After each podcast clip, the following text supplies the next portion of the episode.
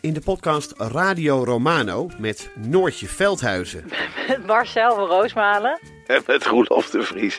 brengen we alle drie elke week een zogenaamde signalering mee. Wat heb jij nou weer bij je? En aan het eind bepalen we wie de winnaar van de week is. Echt een angstcultuur Lege huls die je er bent? Ja, dat gaat eigenlijk altijd onvriendelijk. Luister nu naar Radio Romano bij Podimo. Via podimo.nl slash Radio Romano luister je 30 dagen gratis. We leven in een wereld vol problemen. Het milieu gaat kapot. Burgers radicaliseren aan de lopende band. Poetin is een dictator, Biden is dement, Trump is een crimineel. En de tuin van Huberto Tan schijnt een zootje te zijn. Dus dit is het moment voor twee comedians, Vera van Zelm en Sander van op Zeeland, om de wereld te veranderen. Alles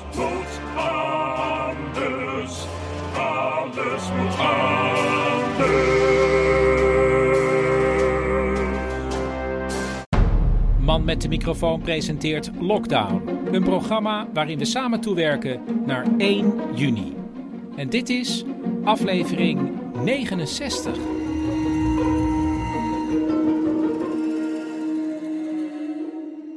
Paulien, ehm, ik heb gemerkt dat we verslappen in de aandacht. Totaal. Nostradamus, die eerst in jouw gevaren was, is weer uit je gevaren. Ja, want oh, eh, eh, er schijnt vandaag weer een persconferentie te geweest te zijn. Ja, we hebben hem gezien uiteindelijk, omdat we echt Nou, een half uur van tevoren getipt werden.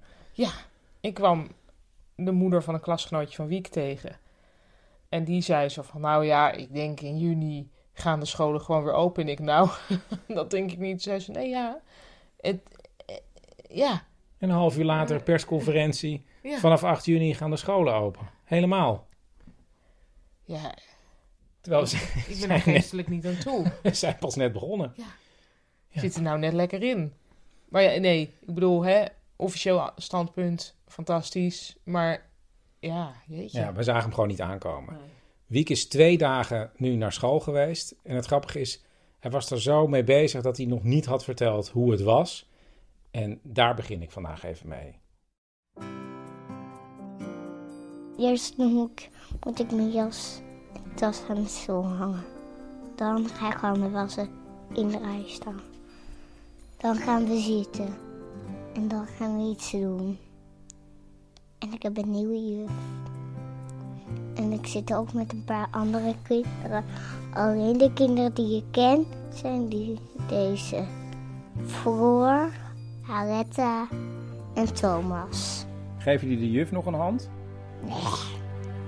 Maar eigenlijk is er niks veranderd. En heeft die juf een soort eh, flap of zo voor de bureau? Of... Ja, er zijn alleen een paar lijnen Oh, en waar staan die lijnen? op de grond. En wat moet je met die lijnen doen dan? Moet je achterblijven als de juf er zit. Als de juf er niet zit, mag je er gewoon zo. Dan mag je er overheen. Ja. En eh, de kinderen zelf, mogen jullie wel gewoon dicht bij elkaar? Ja, alleen als, als we deze groep, dus met de kinderen waar, waar ik nu bij zit, met die kinderen mag ik wel spelen. Heel erg bedankt, Wiek. Graag gedaan. Sommige mensen die ik bel zijn onderweg en zitten op een bijzondere locatie. Zoals Janneke. Ja, ik zit aan de Oosterschelde. Ehm, en eh, bij een, een soort eh, eh, inlaag met eh, eh, lepelaars. Uh, koekoek hoorde ik net. Er vliegen wat meeuwen over. Een eh mantelmeeuw is dit geloof ik. Ja. Dus eh, prachtige omgeving hier. Ja, en terwijl Janneke daar ergens op een dijk zit, vertelt ze haar verhaal. Ja, ik denk dat het inmiddels tien jaar geleden is. Eh, ik zat bij een roeivereniging in mijn studententijd. Eh, en daar was een jaarlijkse liftwedstrijd. En met een groepje vrienden uit onze kennismakingstijd eh, hadden we afgesproken om mee te doen. En ik ging met een van hen. En dan ken je elkaar een beetje, maar natuurlijk nog niet zo heel erg goed. En met wie ging je? Eh, hij heette Pepijn, geloof ik. En, en wat was Pepijn voor, voor iemand?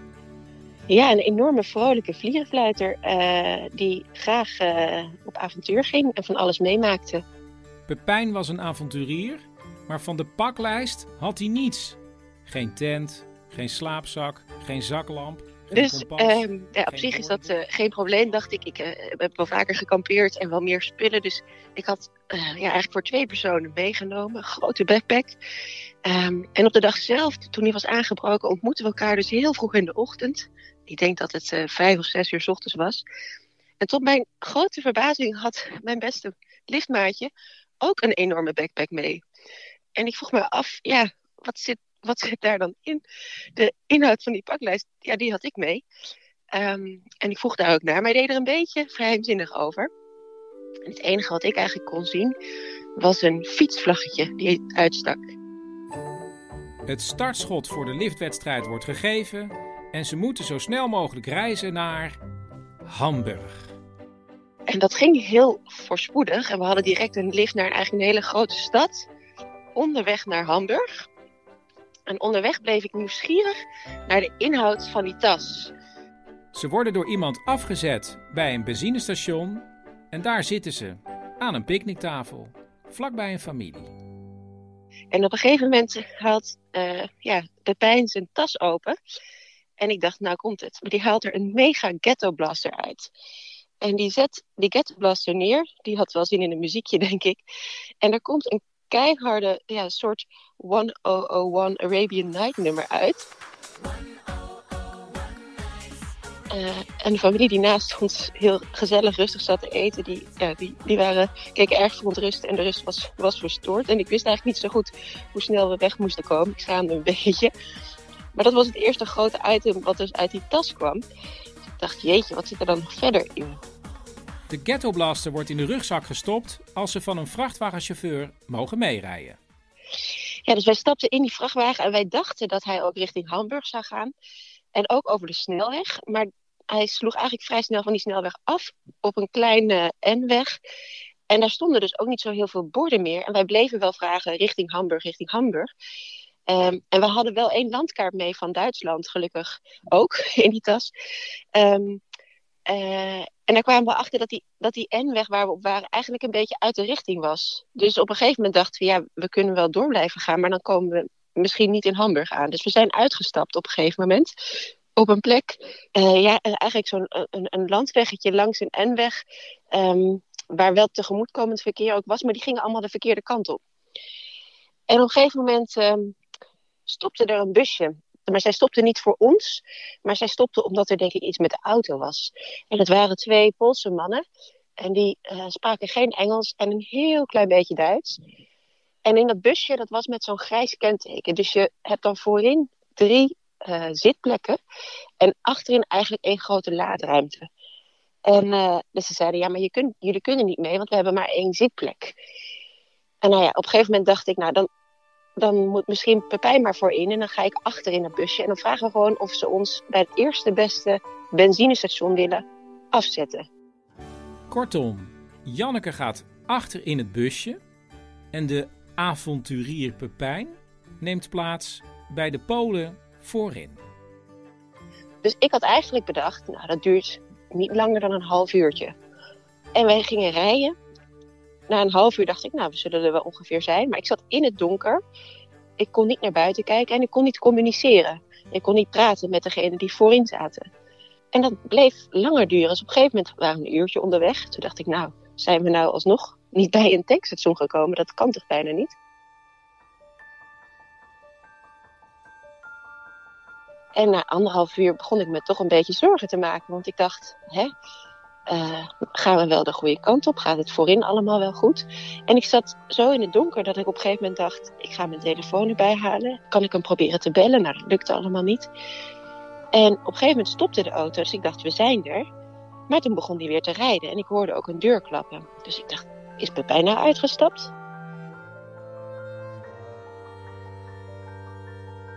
En ik kon die deur ook niet van binnen openmaken.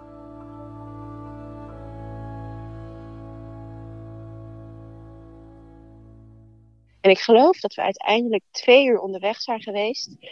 En uh, ik heb geprobeerd om iets scherps ook te zoeken in die auto toen, we daar, toen ik daar zat. Want ik dacht, als die deur dan open gaat, ja, misschien ben ik hier wel alleen. En ik was best een beetje zenuwachtig van, oké, als de deur dan open gaat, wat zie ik dan? En, en moet ik me dan misschien een beetje voorbereiden op iets. Dus we stopten en de deur ging open. En daar stonden drie hele blije jongens, die, alleen maar aan het lachen waren. Onder andere ook Pepijn, op een tankstation. En ja, ze waren er al heel veel voorbij gegaan, die tankstations. Maar Pepijn die had het zo naar zijn zin. En die had blijkbaar in zijn grote tas allemaal stroopwafels meegenomen. Om mensen te geven als dank uh, voor hun lift. En ja, die, de Poolse mannen die waren ontzettend aardig. En die vonden dat heel erg lekker. En die hadden eigenlijk bedacht... Oh, maar we kunnen ze misschien wel een stukje verder brengen... als ze toch richting Hamburg moeten. Dus ik had al die tijd het gevoel dat het helemaal misging. Maar voorin werd er ontzettend veel gelachen. Uh, en genoten van de stroopwafels. Maar wat heb je tegen Pepijn gezegd? Want ja, ik zou echt woedend zijn. Ja, ik was wel een beetje boos, maar ik was vooral ook blij dat het eigenlijk allemaal goed was. En gerustgesteld dat we... Uh... En ik dacht ook, deze mensen zijn eigenlijk gewoon hartstikke aardig en lief. En waarom, ja, waarom heb ik daar dan zo'n twijfel over gehad? Maar waarom? Omdat je twee uur lang in het donker hebt gezeten, Janneke. Ja, ja, ja. ja ja, op de terugweg uh, hebben we ook niet meer samen gereisd, geloof ik. Of in ieder geval, dat was ook niet meer het liften. Maar ik dacht, ik stap even bij iemand anders in de auto.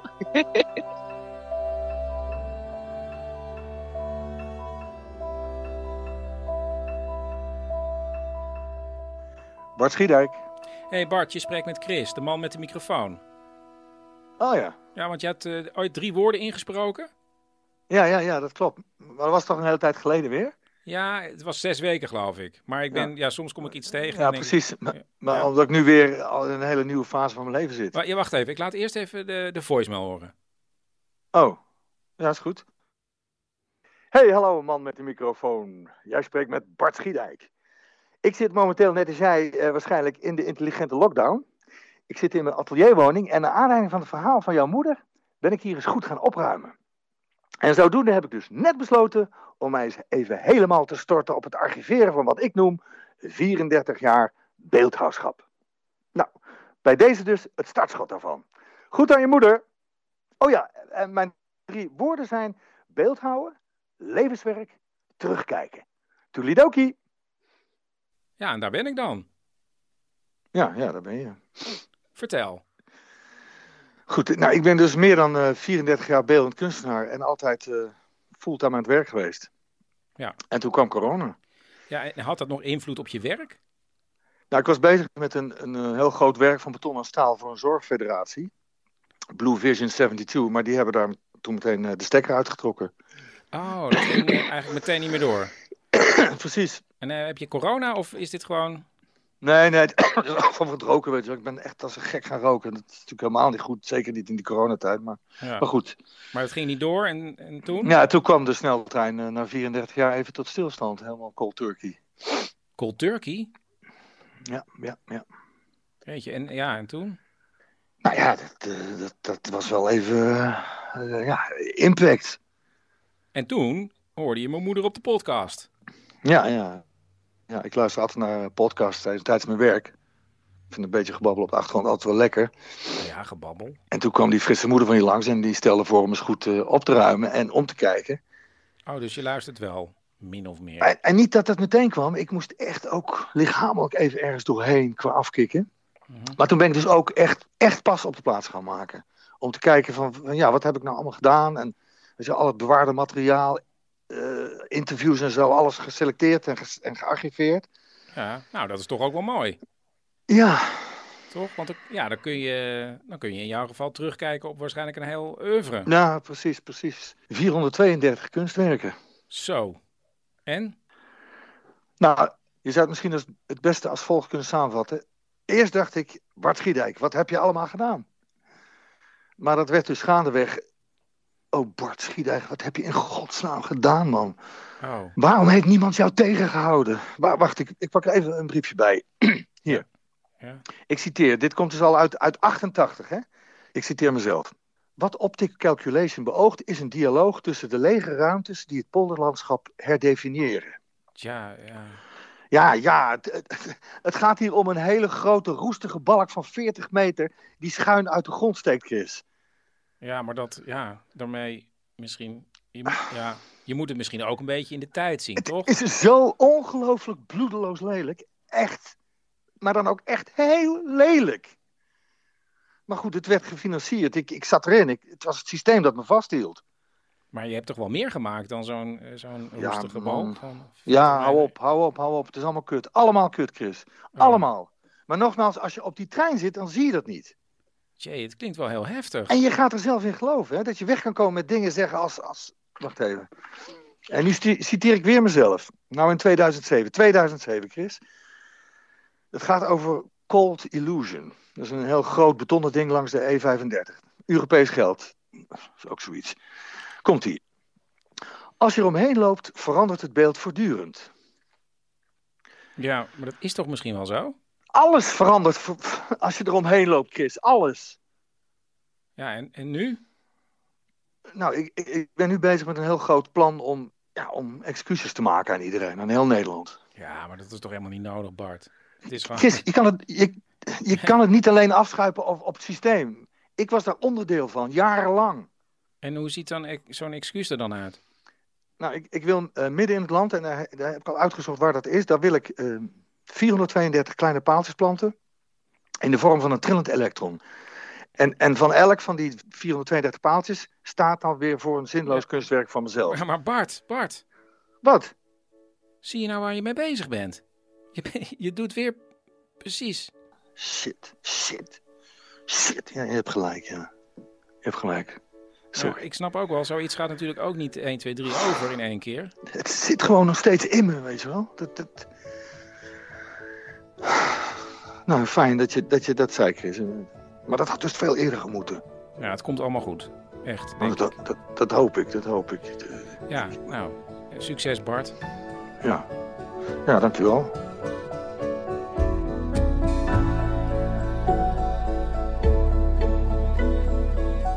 Dit was aflevering 69 van Lockdown. Meegespeeld heeft Marcel Musters.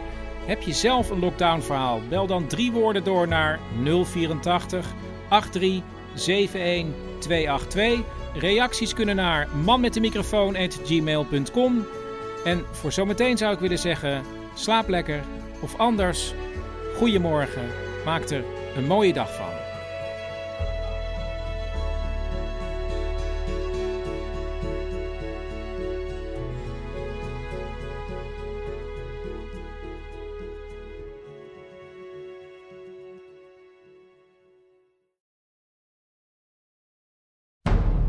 Man met de microfoon presenteert Lockdown, een programma waarin we samen toewerken naar 1 juni.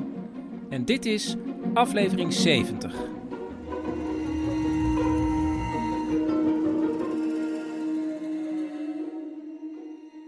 We zitten weer op de bank. Eh, ja, nee, en, en eigenlijk zijn we weer. Want we, we zeggen dan tegen elkaar, waar gaan we het over hebben? En eigenlijk zijn we in verwarring steeds. Ja. Want er, er zijn zoveel maatregelen die nu worden aangekondigd dat we steeds in de war zijn. Maar wat is er nou wel waar en wat is er nou niet waar? Ik liep bijvoorbeeld vanmiddag hier langs het terras en daar zaten mensen gewoon een biertje te drinken. Ik denk van, hé, hoe kan dat nou? Toen keek ik goed. Ja, was het café nog niet open, maar het terras was wel al uitgezet. En dan gingen gewoon mensen zelf bier drinken. En dan denk ik, ja, maar dat is ook weer niet de bedoeling. Want daar raak ik van in de war. Ja, en ik kwam er dus via vriendinnen achter dat we gewoon vanaf 1 juni naar, of niet gewoon, maar dat we wel naar restaurants kunnen. En daar had ik dus toch ook, ik, ik denk gewoon nog helemaal niet in mogelijkheden. En toen heb ik wel meteen voor 2 juni voor ons tweeën, Chris, een tafeltje gereserveerd in een lekker restaurant in de buurt. Want jij bent dan, als het goed is, niet meer bezig met lockdown. Nou, dan ben ik alweer een dag gestopt. En Wieke kan naar zwemles. Ja, en dat vertelde ik hem. Nou, de vreugde die er op zijn gezicht te zien was, dat was erg mooi. Ja, als eigenlijk- iemand van zwemmen houdt, dan Zo. is het wel Wiek. Ja, hij, hij was nog maar net begonnen met zwemles en hij vindt dat echt helemaal te gek. Dus dat wordt heerlijk, denk ik, voor hem. Oké, nou, we gaan gewoon beginnen met de uitzending. Mijn goede vriend Pieter, die arts is in het Elisabeth II Steden ziekenhuis in Tilburg, waar de eerste coronapatiënten waren, die hebben jullie al een paar keer gehoord. Maar hij belde me afgelopen week op en hij zei: Ja, dat was ik helemaal vergeten. Maar mijn zwager, die heeft een goed lockdown verhaal. En dus heb ik Max gebeld. Ik denk dat het in mijn tweede studiejaar was dat mijn vriend uh, Eddy, waarmee ik samen psychologie studeerde, um, ja, die moest naar een symposium in Hongarije. En nou ja, eigenlijk was op een gegeven moment al pratend het idee geboren dat ik mee zou gaan. Hij zou daar naartoe gaan met de auto, tentje achterin. En uh, dus zijn we zo uh, eigenlijk op reis gegaan. Hij had een heel oud uh, autootje, een Suzuki Alto of Swift volgens mij, rood, een beetje verweerd. En ik, ja, we zagen er, ja, Eddie dat lang golvend zwart haar. En nou, een beetje een aparte bril met een groot, ja, groot stevige montuur. Uh, ik denk dat we een beetje een shabby, een beetje, een beetje hippieachtig indruk, uh, indruk maakten, zeg maar. Dus uh, ja, zo kwamen wij eigenlijk een beetje zo al reizend daar in, in Hongarije aan. Ze zetten een tentje op op een camping. Eddie gaat naar het symposium. En Max wandelt een paar dagen lukraak door de stad. En toen op, volgens mij was het op vrijdag van, van die week dat we daar waren, dat hij dus klaar was met het, uh, nou, met het symposium. En uh, nou, toen hadden ze iets van, nou, dan kunnen we gewoon s'avonds lekker, uh, lekker uit. Ze gaan naar een café, eten en drinken wat en gaan dan om een uurtje of acht terug naar de camping. Um, toen liepen we eigenlijk langs het parlement daar. En daar had je, er was een soort verbouwing gaande. En er was een beeldengroep die was ingepakt in plastic. En die stond er met een soort bouwlampen, stonden die er allemaal bij elkaar. En ik, fotografie, ik hou ook wel wat foto, fotografie. En mijn idee was van, goh, die beelden ga ik proberen een foto van te maken. Dus uh, nou, ik, ik, klom over een, een, heel laag hekje van nou ja, maar kniehoogte. Ben toen daar overheen geklommen, uh, naar die beelden gelopen. En toen heb ik daar een paar foto's gemaakt. En toen kwam er zo'n uh, politieman, wachter daar. En die kwam eigenlijk van, goh, nou, dat is niet de bedoeling. Wie zijn jullie? En nou, laat, laat maar eens even je paspoort zien. En uh, nou, je daar vandaan? Nou, dat was eigenlijk maar vrij kort eigenlijk. Hè? Dus uh, dat, dat, die man ons even ondervroeg en die wilde ons paspoort zien, wat we gelukkig bij ons hadden. En toen, uh, nou, toen was het, nou, jongens, gaan we weer weg. Ze verlaten de stad en rijden naar een dorpje waar ze voor een paar dagen een vakantiewoning huren.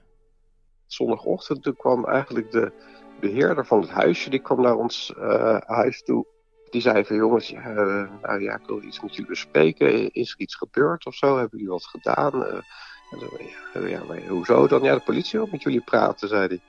Zei, nou de politie wil met ons praten, wat, apart. En toen liepen we eigenlijk naar het stadje, naar het dorpje, om uh, croissantjes of zo te kopen. En nou, eigenlijk nog voordat we er waren, we waren net een paar straten verder, en ik dacht nog van misschien moeten we een krant kopen om te kijken of er iets gebeurd is of zo. Maar goed, voor, voordat we ergens waren eigenlijk, toen er dus, uh, kwam er dus een politiebusje aangereden. Die reed ons ja, klem. En uh, nou, hè, echt mannen eruit. En, uh, nou, wie zijn jullie? En, nou ja, meekomen. We werden echt eigenlijk ge gearresteerd. moesten we in dat busje plaatsnemen. In dat busje zat ook de, ja, de man van het huisje. Uh, nou, en die, en, die, zat al meteen van jongens, jullie zijn toch niet boos op mij? Jullie zijn niet boos? Want ja, die had dat dus doorgegeven.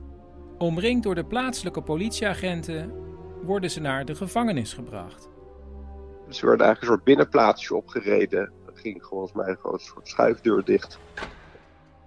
En toen kwamen we in een gang terecht. Ja, daar moesten we op een gegeven moment ook echt veters uit onze schoenen halen. En, en toen werden dus een aparte cellen werden opgesloten.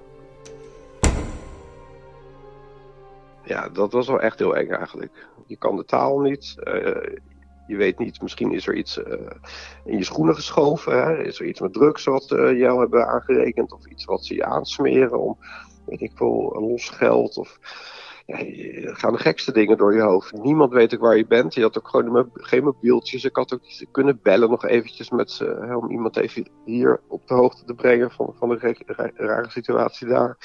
Ja, dus dat, toen, nou, dat, uh, ik dacht toen inderdaad van dit, dit kan helemaal foute boel worden. En ik weet nog wel, ik toen op een gegeven moment heb gedacht, ik, van, ja, ik moet maar even proberen te slapen of zo. Of ik moet, ik moet even weg hier of zo, want ik, ik trek het anders gewoon niet. Toen ben ik volgens mij op die bank gaan liggen en geprobeerd een soort van te slapen. Maar ja, en ik weet ook nog wat ik toen dacht van, ik, ik, ja, dat heb ik eigenlijk nooit... Uh, maar dat ik toen dacht van ik, ik ga gewoon even bidden, zelfs eigenlijk, volgens mij. Niet, niet dat ik echt gelovig uh, ben of was of zo, maar ik heb dat toch wel een beetje meegekregen. En op dat moment kwam dat even naar boven van, nou ja, dat het alsjeblieft dat, uh, uh, ja, gewoon goed afloopt inderdaad. Wat ik ook nog weet was dat ik op de gang geluiden hoorde. Dat ik op een gegeven moment mensen hoorde roepen en een soort van uh, ja, water hoorde sproeien of zo. Dat ik dacht, jeetje, wat zijn het voor geluiden? En dadelijk komen ze hier. En nou ja, word je echt op een heftige manier ondervraagd. En ja, het voelde ook nog wel omdat je niet echt in Boedapest zit, maar in zo'n klein dorpje, zeg maar. Het voelde ook alsof je totaal geïsoleerd was van de rest van de wereld, wat dat betreft. Na een paar uur worden Max en Eddy uit hun cel gehaald ja, toen stond in mijn herinnering de gang behoorlijk vol met, uh, met, met, nog meer agenten eigenlijk.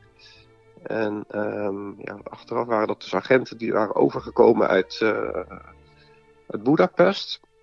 Samen met deze politieagenten rijden ze in een busje naar hun vakantiewoning. En wij kregen inderdaad de instructie om uh, nou heel langzaam onze spullen daarin te pakken. Ik denk, ik denk nog, ja, misschien inderdaad heel langzaam, omdat je, ze misschien toch bang waren van wat gaat er gebeuren, wat, wat gaat hij doen. En later paste dat, maar ik wist op dat moment nog helemaal niet waarvoor we gezocht werden. Dat was het, waardoor je het later allemaal wat beter kon plaatsen, zeg maar. Nadat ze langzaam hebben gepakt, lopen ze met de agenten naar buiten. Dan moest Eddie, die moest in onze auto uh, rijden, dat was ook zijn auto. En uh, ik, uh, ik moest mee in een politiebusje of, uh, of auto. En toen werden we eigenlijk in een soort van, ja, dat was ook nog zo. Het was echt een soort, noem het als met zo'n politie-escort. Dat je echt inderdaad over de snelweg gaat met uh, sirenes voor en achter. Volgens mij werden we echt, nou ja, echt, echt op de linkerbaan of misschien zelfs op de vluchtstrook. Gewoon echt, echt op hoge snelheid werden we naar, naar Budapest gebracht inderdaad, ja. In het busje bij Max zit een meisje van zijn leeftijd en dat blijkt een Nederlandse tolk. En zij zegt wat er aan de hand is. Uh, zij vertelde dat, uh, dat er dus uh, bij het parlement, waar wij dus over dat hekje waren geklommen, dat er die nacht een bom is ontploft. D dat is heftig. Aan de andere kant ging ook door me heen van ja, ik weet gewoon zeker dat we daar niks mee te maken hebben. Eenmaal bij het hoofdkantoor van politie in Budapest worden ze onderworpen aan het politieonderzoek. We werden apart van elkaar geïnterviewd. Waarbij ik onder andere op een kaart naar, naar bomstoffen of, of iets, een soort chemische test, uh, allerlei sporenonderzoek. Van, volgens mij van onze handen werden allemaal wat samples genomen om te kijken welke, welke datum in het land ingekomen, welke datum er met bommen geklooid was. Er werden allemaal fo foto's gemaakt, vingerafdrukken genomen. Waar die auto inderdaad apart met politiehonden en uh, moeite had om inderdaad maar iets te herinneren hoe dat had gelopen in de stad. En werd gesleuteld zeg maar, om te kijken of er speciale uh, plekken en toen op een gegeven moment, toen kregen we eigenlijk te horen van, nou jongens, jullie, uh, ja, nou ja we, we, hebben het onderzocht en, en, ja, jullie zijn weer vrij om te gaan. En toen de jongens naar buiten wilden lopen, toen zei een van de agenten, nou wacht even, we hebben nog iets voor jullie. Uh, en toen zeiden ze eigenlijk, ja, toch een beetje als aardigheidje, denk ik, uh, dat het bedoeld was. Hebben ze ons uitgenodigd om nog even de, ja, de nieuwsuitzending, zeg maar, uh, te komen bekijken, uh, ja, die, die er dus was geweest. Dus zij hebben inderdaad, we werden een aparte tv-kamer, of in ieder geval een aparte kamer met de bank en de tv gezet. En toen hebben we dus inderdaad naar die uitzending, die speciaal voor de ja, voor de Hongaarse televisie was gemaakt, zagen we dus inderdaad uh, onze signalementen voorbij komen. En de, ja, ze dus compositietekeningen laten maken ook. Die, die kwamen er ook in voor.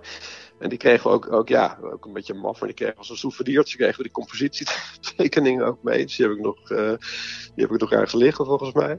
Ja, en die tekeningen hadden ook in de krant gestaan.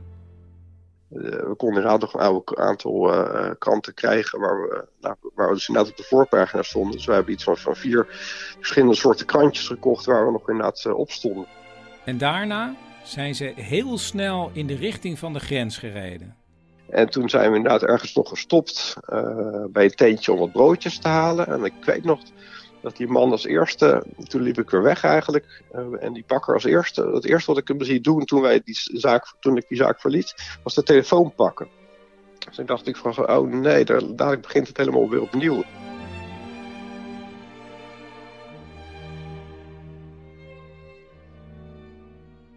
Max, ja, het is natuurlijk allemaal goed gekomen, maar wat voor een invloed heeft dit, ja, deze, dit avontuur op je leven gehad? Ja, ik heb dat toen niet zo heel direct. Nou ja, goed, in de periode daarna sta je er niet zo bij stil en, en leef je gewoon en, en, vertel je er. Ja, het was, wel, het was wel een verhaal op verjaardagen en zo natuurlijk. En dat is ook altijd, eigenlijk altijd wel een beetje gebleven. Um, maar ik heb wel een paar jaar daarna uh, begon ik eigenlijk uh, ja, een soort angst te ontwikkelen voor gesloten ruimtes. dus angst om met de trein te gaan, eigenlijk ook angst om te vliegen. Uh, dat is nu minder, maar ik heb er wat, ja, wat behandeling voor gehad. Uh, ik, dat, ja, er lijkt toch wel een verband te bestaan met, met die, die opsluiting toen. Uh, dat, wat dat betreft is het nog steeds wel enigszins aanwezig, ja. ja.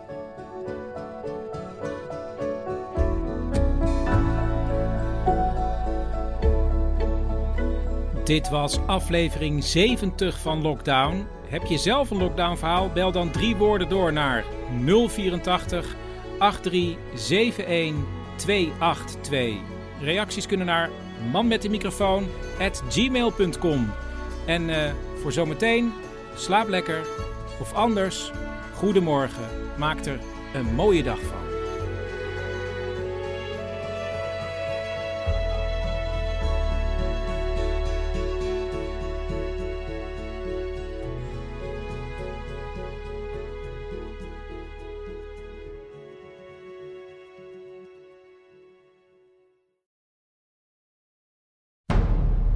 Man met de microfoon presenteert Lockdown, een programma waarin we samen toewerken naar 1 juni. En dit is aflevering 71.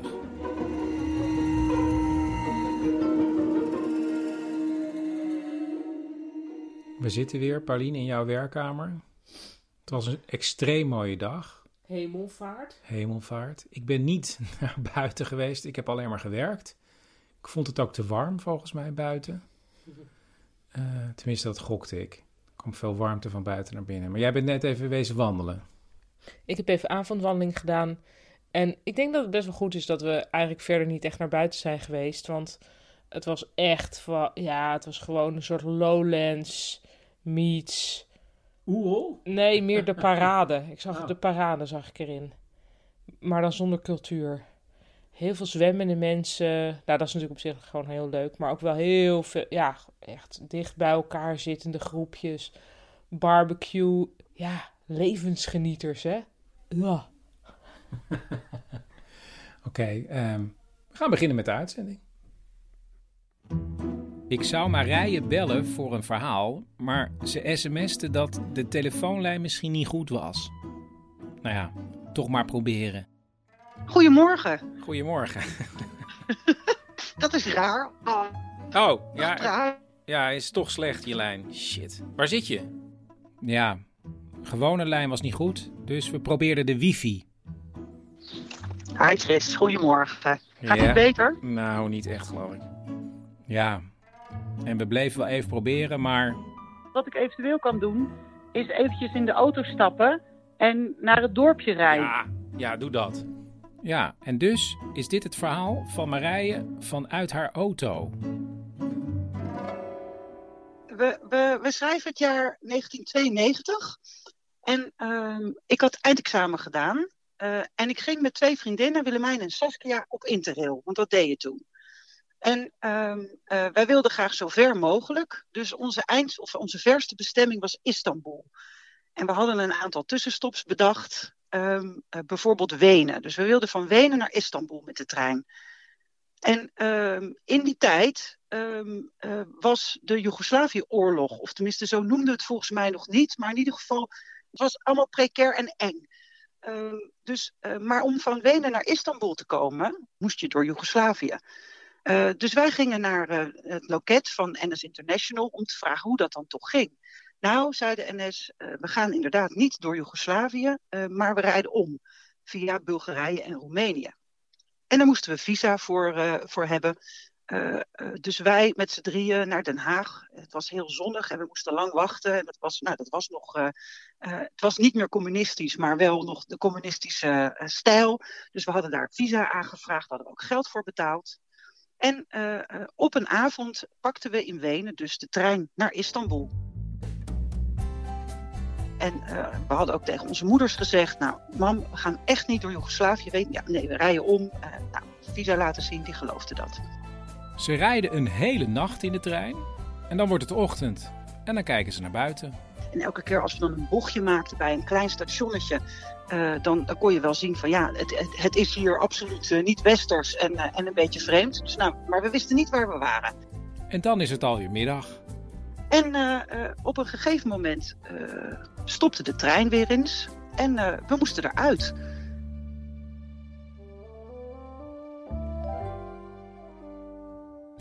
En wij keken op ons, om ons heen en ja, waar zouden we zijn? We zagen Cyrillische letters. En mijn vriendinnen en ik hadden een klassiek gymnasiale opleiding gehad. Dus we kenden wat Grieks. Dus wij konden dat Cyrillische schrift wel een beetje ontcijferen. En zagen dat daar Beokraat stond.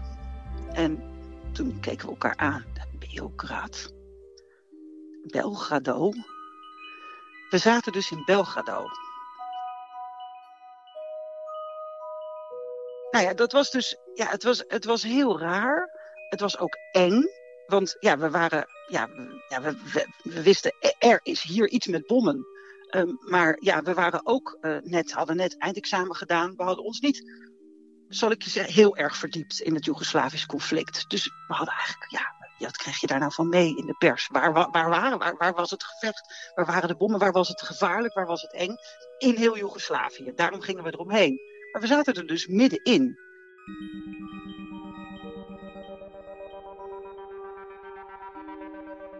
Dus wij stonden daar. En het was een beetje, het was heel raar. Want aan de ene kant vonden we het dus eng. Maar we stonden daar ook wel als een soort, ja, het klopte daar helemaal niet. We waren gewoon uh, uh, drie meiden van 18 met, uh, met vrolijke rugzakken en een, nou, onze laatste stokbroodjes met, met leverpastei. Op dat station waar we ons ineens realiseerden, al deze mensen zitten in een oorlogssituatie er waren ook verschillende mensen dus die naar ons toe kwamen om te vertellen ja, dat, dat we in Belgrado waren. Ja, en het gekke was, we, gingen dus ook het station niet uit. En, en ook niet om even te bellen met thuis. Want ik denk eerlijk gezegd dat we nog banger waren voor onze moeders dan voor die oorlog. Want we hadden beloofd ja, dat we niet door Joegoslavië zouden gaan. En nu zaten we er toch.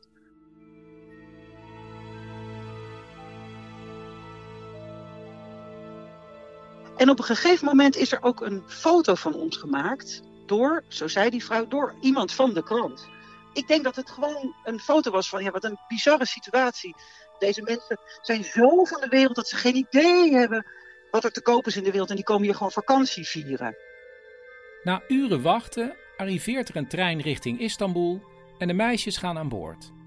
Wij, wij, wij stapten in de coupé en daar zaten twee mannen in.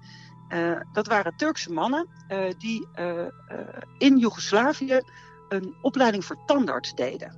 Blijkbaar deden Turkse mannen dat. En zij allebei deden die opleiding daar. En zij hadden ook Servische, Joegoslavische vriendinnen. En die vriendinnen hadden deze mannen helemaal propvol gestopt met de meest lekkere dingen. Dus wij hebben daar toen heerlijke gebraden kip zitten eten, klaargemaakt in Belgrado. Door de Joegoslavische vriendinnen van deze tandartsen. En toen we één keer in Istanbul aankwamen, hebben deze lieverds ons ook nog naar het, een ontzettend leuk hostel gebracht. En gezegd, nou hier moet je wezen, dit is echt leuk. Dus we hebben daar ontzettend veel plezier gehad uiteindelijk in Istanbul. Maar raar was het wel. En hoe kijk je daar nu eigenlijk op terug? Wat ik er echt aan heb overgehouden is dat, um, dat schaamtegevoel. Over dat je, dat je in een situatie komt en dat je overduidelijk voelt: ik heb me hier niet in verdiept, ik weet niet hoe het zit. Um, maar het feit dat ik hier ben, en dat is, dat is bijna onbeleefd.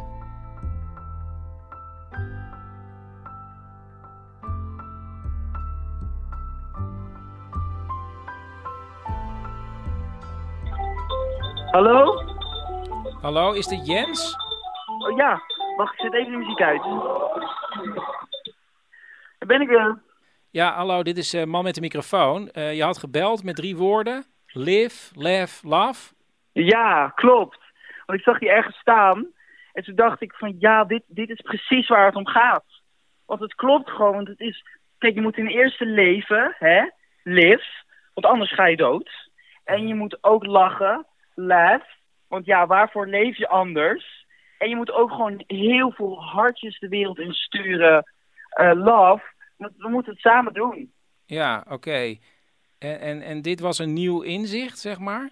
Ja, want ik ben 17. Oh, vandaar. En, eh, eh, ja, en tot nu toe was ik eigenlijk alleen maar bezig met school en eh, gamen en chagrijnig zijn.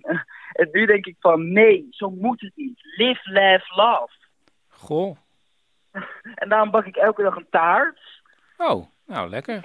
Ja, en ik doe een eh, inspiratievlog voor wie het nodig heeft. Een inspiratievlog. Wauw. Ja, ja heel, heel goed is dat. En dan ga ik lekker sporten en dan kijk ik of ik mijn ouders kan helpen met iets. En kan je je ouders Eh, helpen met iets? Nou, eh, ze zeggen meestal van, ga nog maar even fietsen, want ze worden ook moe, moe van mijn energie. Hey, kan ik anders even Eh. een van je ouders spreken? Eh, ja, ja hoor. Pap, een man met de microfoon wil je even spreken. Hallo? Hallo? Hallo? Hallo met de man met de microfoon. Ik had net uw zoon aan de telefoon, maar daar gaat het wel erg goed mee, hè? Eh, ja, inderdaad. Dan ga je anders maar even het gras maaien. Ehm, ja, nee, ja, hij is eh, totaal opgebloeid. Ja, en sorry dat ik misschien bot ben, maar zouden er misschien drugs in het spel kunnen zijn? Dachten wij eerst ook, maar dat is het niet. Eh, nee, ja, hij is, hij is gewoon oprecht heel gelukkig nu. En daar doe je niet zoveel aan. Het is doodvermoeiend. Er zit er geen uitknop op? Nee, eigenlijk niet. Nee. Nee, mijn man en ik die willen ook wel eens gewoon even Netflix of depressief voor ons uitstaren. Maar dan komt onze zoon weer met een of ander lekker actief idee van we gaan pingpongen in het park. En kan hij dat dan niet met vrienden doen? Eh, ja, maar zijn vrienden zijn wel gewoon ontmoedigd, depressed en uitgeput. Dus hij heeft ons ook echt nodig, zeg maar. En goddank is hij nu dan begonnen met die inspiratievlogs, want er gaat nog wel wat eh, montagetijd in zitten. En dan kunnen wij ondertussen even een dutje doen, of gewoon in paniek raken over de wereld, zoals gewone mensen. Pap, Ja? wij, wij zouden toch eh, die hortensia's nog samen gaan planten? Nou ja, je hoort het. Maar dat is toch ook wel fijn dat zo'n jongen echt iedereen meetrekt in zijn enthousiasme? Kijk, Chris, in theorie zeg ik ja, dat is heel fijn. In de praktijk zeg ik, ik wil patat eten op de bank. Ja. Nee, nee, nee. Ik maak, ik, wacht even hoor, Chris. Want ik maak een quinoa salade voor je. Blijf je actiever van. nou, eh, Chris, wij gaan hier even aan de slag. Ja, En blijf positief, hè. Live, laugh, love. ja, ja, dank je. Live, laugh, love. Ja, doei. Dag.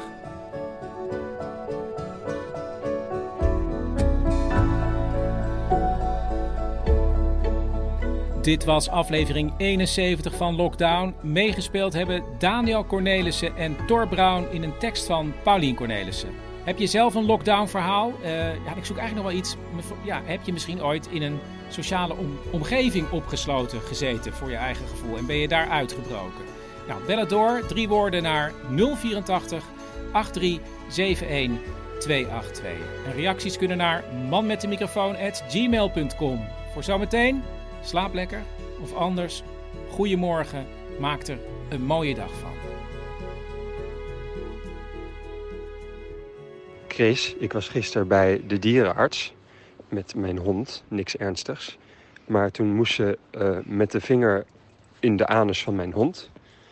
Ehm, en terwijl ze dat deed, dus het moment dat die vinger erin gleed, zei ze tegen mij: Jij zit toch in die podcast, man met de microfoon? Dat vind ik zo leuk. Man met de microfoon presenteert Lockdown. Een programma waarin we samen toewerken naar 1 juni.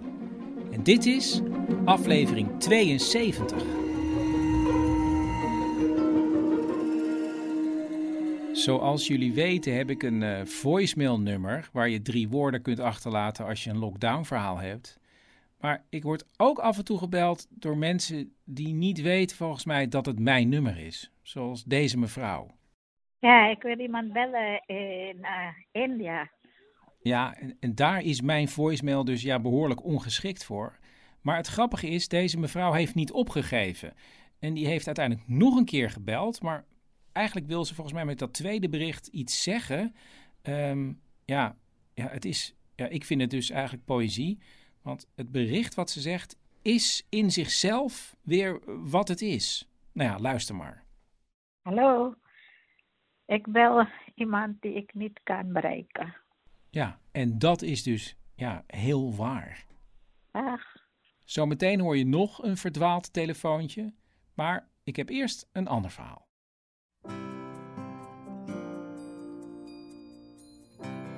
We hebben bezoek van neef Kees, Wiek. En neef Kees heeft volgens mij een verhaal van toen hij zo oud was als jij.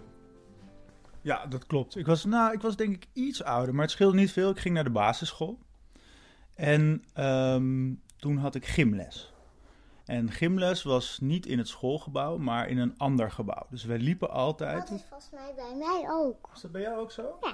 Dus dan liepen wij van ons klas, liepen we achter de juf aan naar een ander gebouw. En daar hadden we dan gym van een gymleraar. En aan het einde van de gymles, eh, dat was dan een gebouw met twee verdiepingen. Boven hadden we de gymzaal en beneden hadden we de kleedkamers. Gingen we ons omkleden. En dan gingen we gewoon weer onze schoenen aantrekken en dat soort dingen. Alleen toen stonden we bij de deur klaar om terug naar de school te gaan. En toen zei de gymleraar tegen mij: Ik ben mijn sleutels kwijt. Toen zei hij: Kees, loop jij even naar boven, naar de gymzaal. Ik denk dat mijn sleutels nog op de bok liggen. Dus ik moest naar boven en ik ging de sleutels zoeken, maar ik kon de sleutels niet vinden. Want, wat bleek nou? Hij had de sleutels gewoon nog in zijn zak. En de gymleraar was vergeten dat hij mij naar boven had gestuurd op zoek naar de sleutels. Dus wat gebeurde er? Ik kon die sleutels niet vinden en toen ging ik de trap weer af naar beneden en toen was mijn klas weg.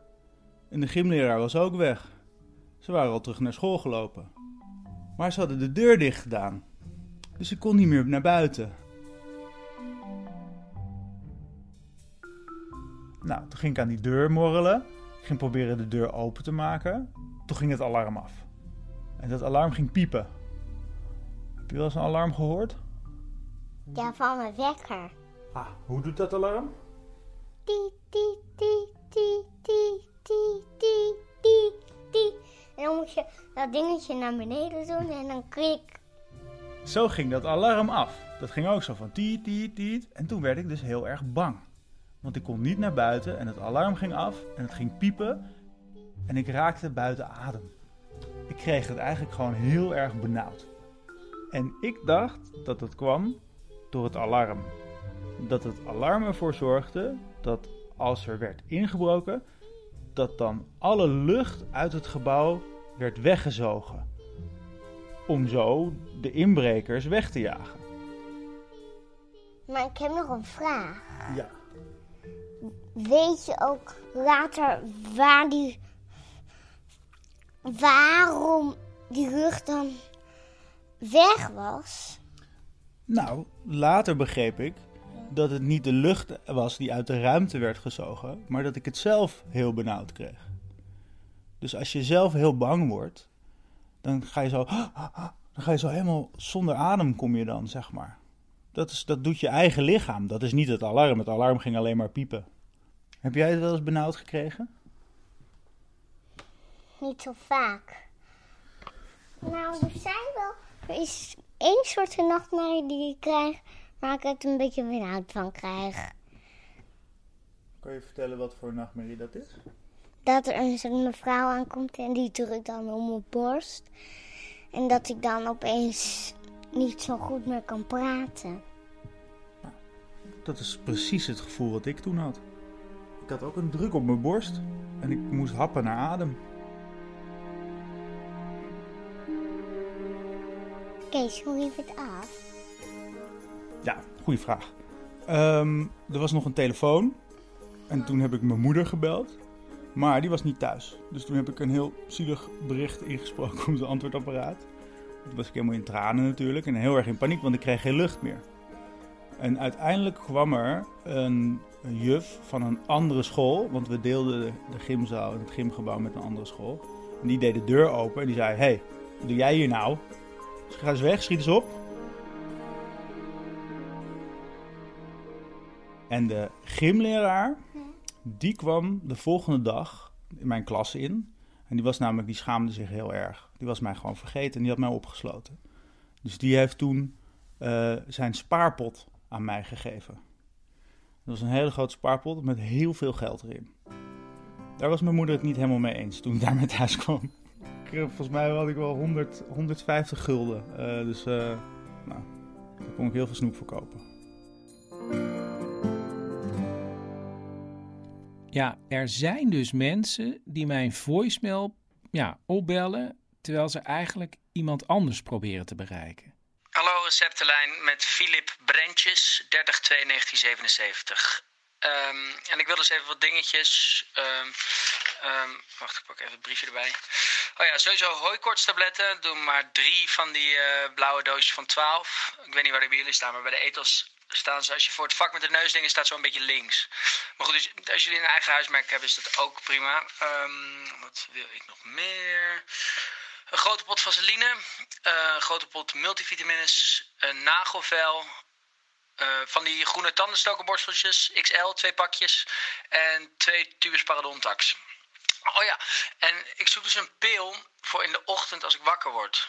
Niet dat ik echt heel angstig ben of depressief of zo, maar ik zoek iets dat me in deze tijd even een extra zetje in de rug kan geven. Ehm, misschien een soort Prozac of zo.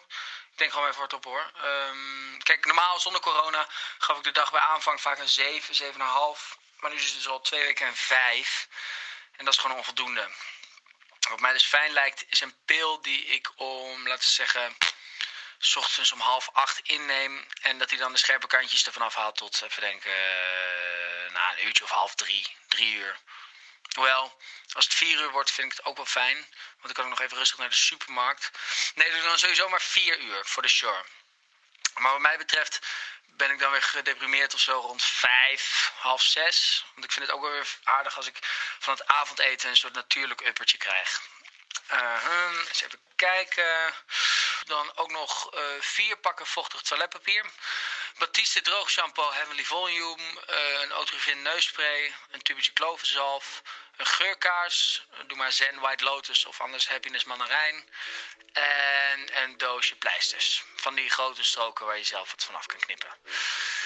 Ja, ja dat was hem. Receptenlijn. Goed dat jullie bestaan. Als ik het eerder had geweten, dan... eh, ja, bedankt. En ik zie het dan wel tegemoet. Dag.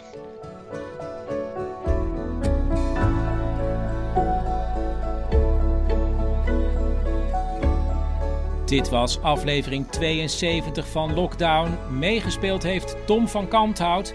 Heb je zelf een lockdown-verhaal? Bel dan drie woorden door naar 084 8371 282. Reacties kunnen naar manmetdemicrofoon@gmail.com. En voor zometeen, slaap lekker. Of anders, goedemorgen. Maak er een mooie dag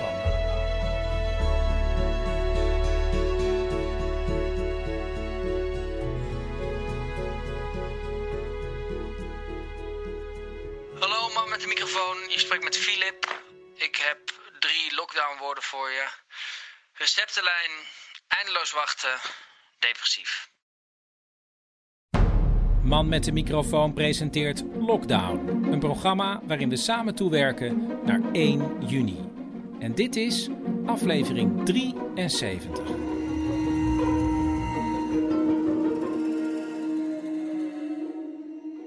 Paulien, de recorder loopt al. Denk, dan is het nog spontaner. Nee, Wiek, Wiek is bijna in slaap. En ik denk dat hij nu wel stil is. We moeten nog een opening doen. En we hadden iets. Twee dingen. We zagen allemaal blije mensen in de buurt. En toen realiseerden we ons, dat is vanwege het suikerfeest. En het eh, dus... eh, ja, Happy, suiker, suikerfeest. Ehm, en Op de dag dat jij een soort bijna suikerloze Ja, ik taart had, hebt ik, gemaakt. Had, ik had toch zin om te bakken. Dat heb ik de hele tijd niet gedaan, terwijl iedereen dat heeft lopen doen. Nu deed ik het, toen dacht ik, laat ik dan toch met suikervervanger doen, om het niet al te ongezond te maken. Maar daar werd het toch wel een stukje onlekkerder van. Ja. Het andere was, Ja, er staat steeds in het nieuws dat het zou kunnen dat als je de BMR, prik hebt gehad, als je Bof, negen... mazelen, rode hond. Oh, bof, mazelen, rode hond, dat je dan op een of andere manier misschien ja, corona niet kan krijgen. Nou, dat je het minder ernstig krijgt. Oké, dat. Dus licht. Nou is het zo dat eh, Joep van 18, die heeft die prik gehad natuurlijk. Maar het gekke is, Teun was volgens mij een keer ziek toen hij negen was.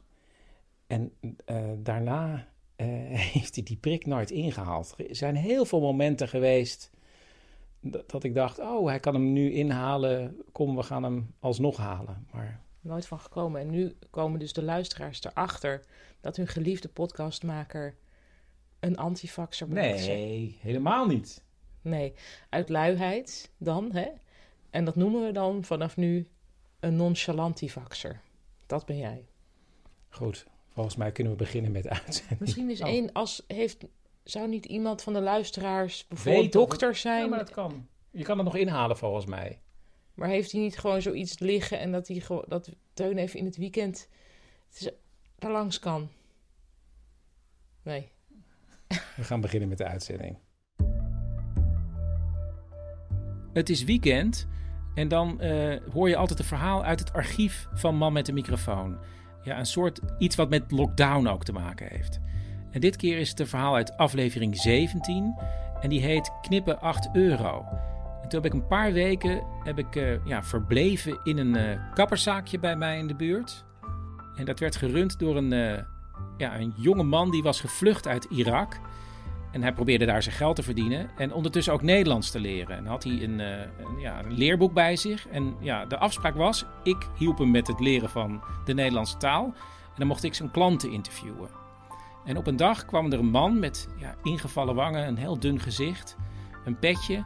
En die liet zijn hoofd kaal scheren. En eh, daarna heb ik hem in mijn eh, oranje bus geïnterviewd.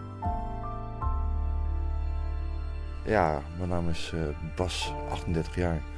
Vader van eh, twee kindjes. Eh, ik woon momenteel op de ambulante woning van HVO Quirido.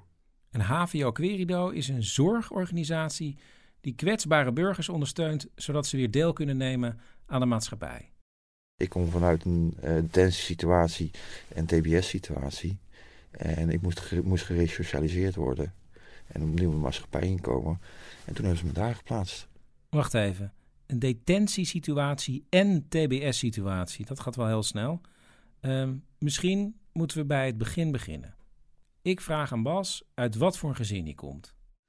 Uh, uit wat voor gezin kom ik? Uh, ja, niet echt zo'n leuk gezin. Mijn vader die is opgegroeid in een katholiek internaat. En die is gewoon echt met harde hand en met lijfstraf is hij opgegroeid. En dat heeft hij in de opvoeding thuis heeft hij dat uh, meegenomen. Plus dat het ook huiselijk geweld was naar mijn moeder toe. Dat fysieke geweld zorgt er uiteindelijk voor dat zijn moeder onderdak zoekt in een blijf van mijn lijfhuis. Uh, nou, mijn moeder die had op een gegeven moment als zoiets bij van... Uh, nu zit ik in een blijf van mijn lijfhuis uh, en hier blijf ik mooi. En ik ga niet weg. En jou hoef ik ook niet meer terug. Nou, en toen is mijn vader, die is hoge protestant gaan schoppen bij het blijf van mijn lijfhuis. Ramen ingooien, deuren eruit, eruit trappen, politie aan de deur, dreigementen, schelden, noem maar op. Was jij erbij? Ik was erbij, ja.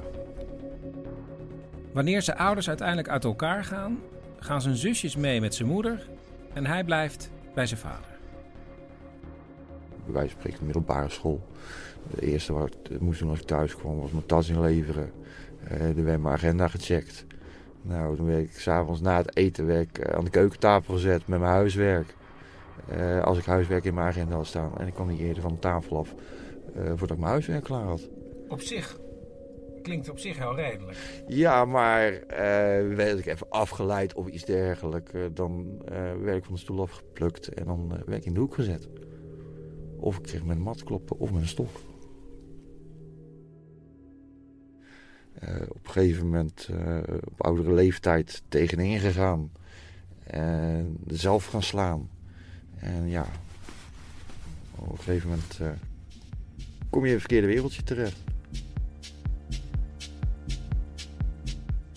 Ik ging drugsfeesten, hardcore feesten. Ik deed eh, voor drugshandelaars die van mensen waarvan ze nog geld kregen, deed ik met een aantal jongens regelmatig geld in. En dan gingen we met een busje gingen we de deuren langs.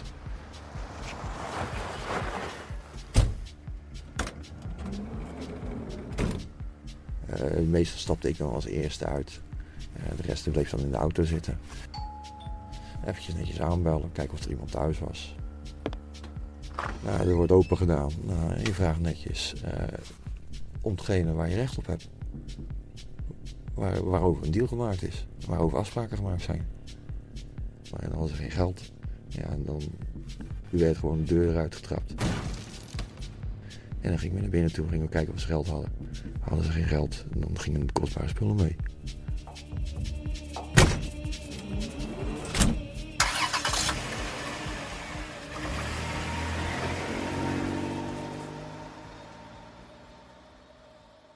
Ik werkte regulier als glazenwasser.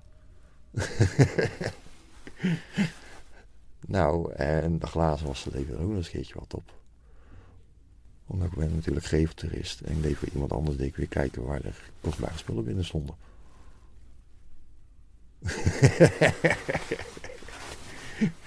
Behoorlijk crimineel dus. Uh, ik, ja, crimineel. Uh, ik probeerde zoveel mogelijk gewoon regulier te werken.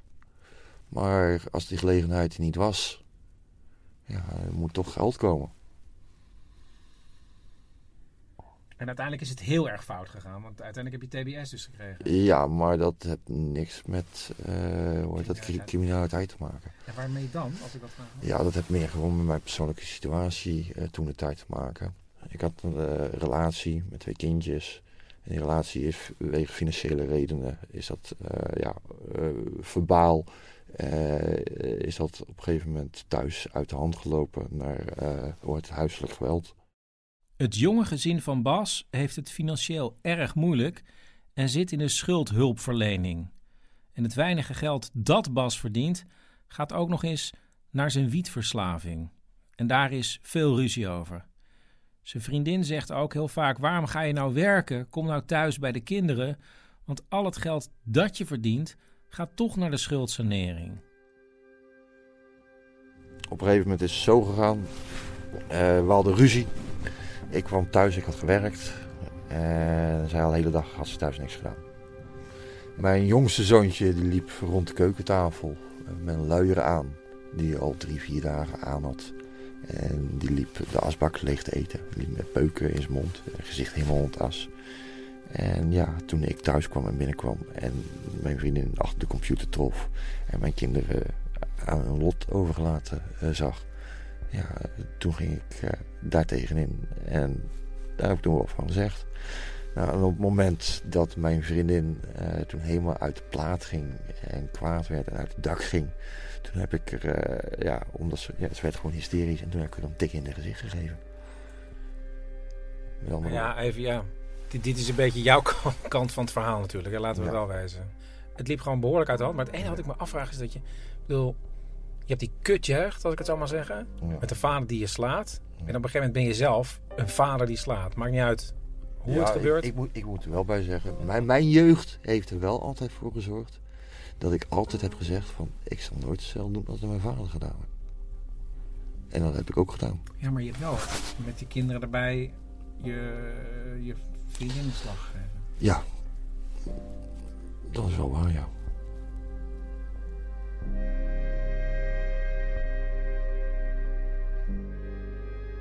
Nou, en een paar weken daarna, uh, een week voor Pasen, uh, toen was ze van het ene moment op het andere moment was ze weg met de kinderen. Nou, op een gegeven moment ben ik best wel depressief geworden, teruggetrokken. een jaar lang mijn kinderen niet gezien, een jaar lang geen contact gehad met mijn ex. Een grote band in huis, hele dagen alleen nog op mijn computer zitten, jointjes roken. Nou, af en toe mijn moeder of mijn zusje die een keertje komt kijken hoe het met me gaat. Ook met zijn ex en de kinderen gaat het niet goed. En met jeugdzorg waren die kinderen bij haar ouders geplaatst. En zij was in een blijf van lijfhuis geplaatst in Amsterdam. Heel even lijkt het beter te gaan wanneer de moeder van Bas gaat hertrouwen. En dan mag Bas van jeugdzorg zijn kinderen zien en samen naar het trouwfeest gaan. Maar dan komt Bas er via zijn zus op een dag achter dat zijn ex een hele andere afspraak met zijn moeder over de kinderen heeft. Die mochten wel komen, mits dat ik niet bij het trouwen aanwezig zou zijn. En de kinderen niet bij mij zouden blijven slapen. Dus je moeder wilde eigenlijk liever haar kleinkinderen dan jou bij haar trouwen. Nou, bij mij gaat er boem, een knop in mijn hoofd om. Ik ga naar huis toe. Eh, ik pak eh, thuis pak een uh, steel van een bijl. Ik ga naar het huis van mijn moeder. mijn moeder doet open. Ik eis op het moment van mijn moeder dat ze met me gaat praten. Als ze niet meer wil praten, sla ik de hele boel kort en klein. De deur wordt voor me dichtgegooid. Nou, ik begin in de voortuin de boel kort en klein te slaan. Nou, mijn moeder en mijn stiefvader in paniek. Raampje gaat open aan de voorkant van uh, Bas, alsjeblieft. Stop, uh, stop ermee. Uh, dan kom ik wel mee, naar buiten, kom ik wel met je praten. Nou, moment stopte ik ook. Nou, de deur gaat open, mijn moeder wil naar buiten komen. En in plaats van dat mijn moeder naar buiten komt, komt mijn stiefvader, die komt naar buiten gestormd. En die pakt mijn beet en die begint mij op dat moment te wurgen. Nou, en vanuit een uh, afweerreactie uh, pak ik die stok weer. Ik bijt hem in zijn hand terwijl hij me. Uh, en ik begin met die stok op hem in te rammen. En die heeft toen de nauwe na overleefd. Je was bijna, je had hem bijna doodgeslagen. Bijna doodgeslagen.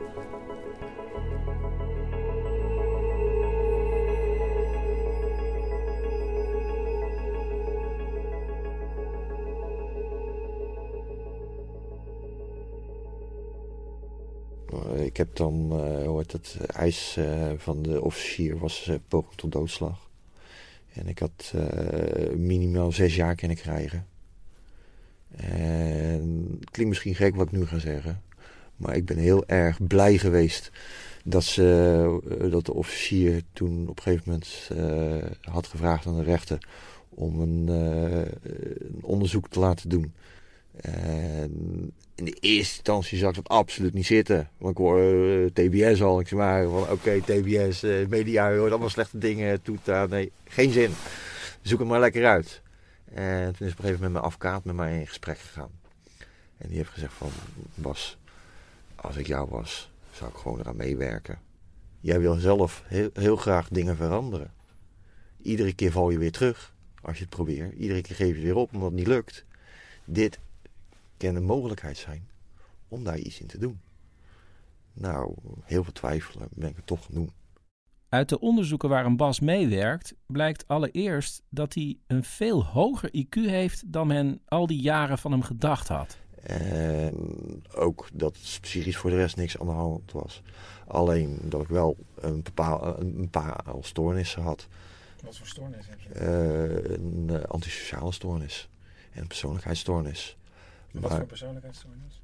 Uh, ja, uh, sarcastisch, uh, hoe heet het, egoïstisch, niet, hoe heet het? Niet empathisch. Niet het empathisch vermogen hebben om zich in andere mensen in te kunnen leven. Uiteindelijk zit Bas drie jaar lang in een TBS-kliniek. En het klinkt misschien heel raar, maar... Ik was er heel blij mee. In de media hoor je alleen maar de negatieve dingen de goede dingen hoor je nooit. Maar ik heb op een gegeven moment ik heb mijn school af kunnen maken. Ik, ben, ik zit nu nog steeds op school. Ik uh, ben van mijn dyslexie afgekomen. Uh, ik heb heel erg aan mijn sociale vaardigheden kunnen werken. Ik weet mij nu gewoon op sociale, normale, verbale manier te uiten.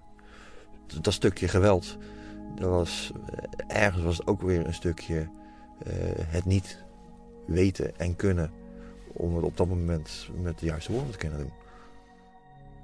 Om ervoor te zorgen dat de kans zo klein mogelijk is dat Bas weer terugvalt, woont hij inmiddels onder begeleiding in een andere stad. Met drie anderen in één huis. En je kinderen? Uh, ja, die zie ik helaas niet zo vaak als ik zou willen. Mijn kinderen die hebben op het moment hebben ze al bij traumabehandeling. En die hebben op sociaal vlak hebben ze moeite om zich te ontwikkelen. En die lopen onder begeleiding van kinderpsychiater en kinderpsychologen. Eh, de laatste keer dat ik zeg maar eh, telefonisch contact heb gehad met mijn kinderen, dat ik ze wou helpen, dan, was, zat ik nog in de gevangenis. Eh, had ik mijn oudste zoontje had ik aan de lijn. En toen kreeg ik van mijn oudste zoontje te horen dat hij op school, dat mijn jongste zoontje gepest en geplaagd werd. En toen had ik mijn oudste zoontje gezegd van, nou, uh, hoort het, je weet donders goed dat, eh, dat ik je vroeger niks voor niks mee heb genomen naar de, naar, de sportschool om te boksen. Eh, je hebt voldoende geleerd eh, om voor je broertje op te komen. Dat werd mij vroeger ook geleerd. Eh, mijn vader zei vroeger altijd tegen mij van, nou, eh hoort het, als je gepest wordt, eh, doe je maar wat terug. En keer niet meer handen, met je handen af, dan pak je maar een stok. Nou, en een week later kreeg ik een telefoontje van jeugdzorg van eh, meneer, heet het, uw zoontje, die eh, heeft eh, twee andere kindjes op school eh, in elkaar geslagen. Na ondervragen van je zoon kreeg ik te horen dat hij dat van u moest doen. Maar dit was dit, ja, dit is, zeggen, niet de, de gangbare, gangbare oplossing. Nee, inmiddels begrijp ik dat wel. Alleen ja, op dat moment is- is dat gewoon iets wat erin zit. Dus eigenlijk is het het beste voor jouw kinderen, zie je ook zelf in, dat ze geen contact met je hebben. En min mogelijk. Totdat ze zelf wijs en verstandig genoeg zijn om hun eigen beslissingen te kunnen maken. Maar niet dat ik het contact niet wil hebben. Tot slot vraag ik Bas wat nu zijn toekomstdromen zijn. Een eigen huisje, een eh, bootje om lekker door de grachten heen te kunnen tobberen. Eh, misschien ooit nog eens een keertje vader worden. heb je ook nog. Denk ik, oh mijn god, begin er niet aan. Oké, maar ja, ik kan me er ook niet echt heel erg mee bemoeien, maar eh, oké. Dat is toch iets wat ik graag wil, eh, iets wat ik, wat ik gemist heb. Doe het niet. Hoezo niet? Ja, ik weet niet. Hoezo niet? Het is toch... Waar, Ja, waar, waar, dat wil is, is een weg. Oké, nou, maar dit is... Dit is mijn... Weet je, en ja, ik, ik heb toch voor mezelf het gevoel dat ik bij mijn eigen kinderen, als ik heel eerlijk ben, wat iets gemist heb. En wat ik, eh, waar ik mijn eigen tegenover mijn kinderen, vanuit hun oogpunt, waar ik me eigenlijk heel erg schuldig over voel. Ik kan het natuurlijk nooit goed maken om ook nog een keertje vader te worden. Maar het is wel iets wat ik nog graag zou willen ervaren.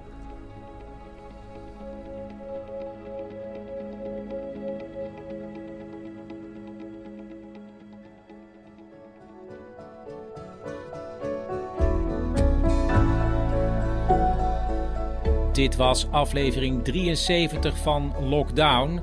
Eh, ja, ik denk, ik zeg het meteen maar even. Eh, als je het een mooi programma vindt, dan helpt het heel erg om eh, sterretjes achter te laten in de iTunes Store. Dus als je dat nog niet gedaan hebt, heel graag. En ehm, reacties kunnen naar manmetdemicrofoon.gmail.com.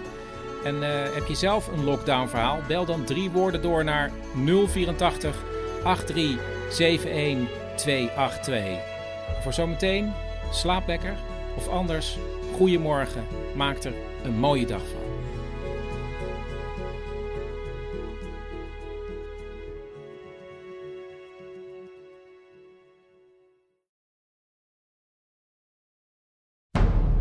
Man met de microfoon presenteert Lockdown. Een programma waarin we samen toewerken naar 1 juni. En dit is aflevering 74.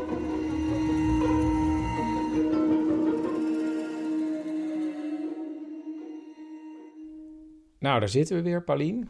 Klopt. Klopt. We gaan zo direct Tokidoki kijken. We gaan zo meteen Tokidoki kijken, aflevering 2. en we hebben vandaag, tenminste we, ik heb je haar weer geknipt. En het is gewoon weer goed gegaan. Het is weer goed gegaan. En eh, Joep had ook afgelopen week gezegd: eh, nee, Ik zoek een tondeuze. eh, kunnen jullie mij dan daarmee behandelen? Wij hebben meteen een tondeuze geregeld bij de buren. En we stonden klaar. En toen bleek dat hij eigenlijk helemaal niet wilde dat al zijn haar eraf ging. Dat dachten wij in eerste instantie. Dat vonden wij heel leuk. Heel leuk. Maar ja, toch maar niet. Dus toen heb je er zelf een, een of andere koep van gemaakt. Dat is ook gewoon goed gelukt. Ja, en het grappige is wel dat Joep gaandeweg ontdekte dat alle kappers gewoon open zijn. En toen dacht hij, oh shit. Terwijl ik bezig was. En Teun had dat gek genoeg al wel door. En die heeft dus gevraagd of hij weer naar een gewone kapper mag. Ja. Ja, dus er is wel vertrouwen in jou, maar dit blijkbaar niet niet oneindig vertrouwen. Nee. Oké, volgens mij kunnen we beginnen met de uitzending. En eh, vandaag heb ik een verhaal van Astrid.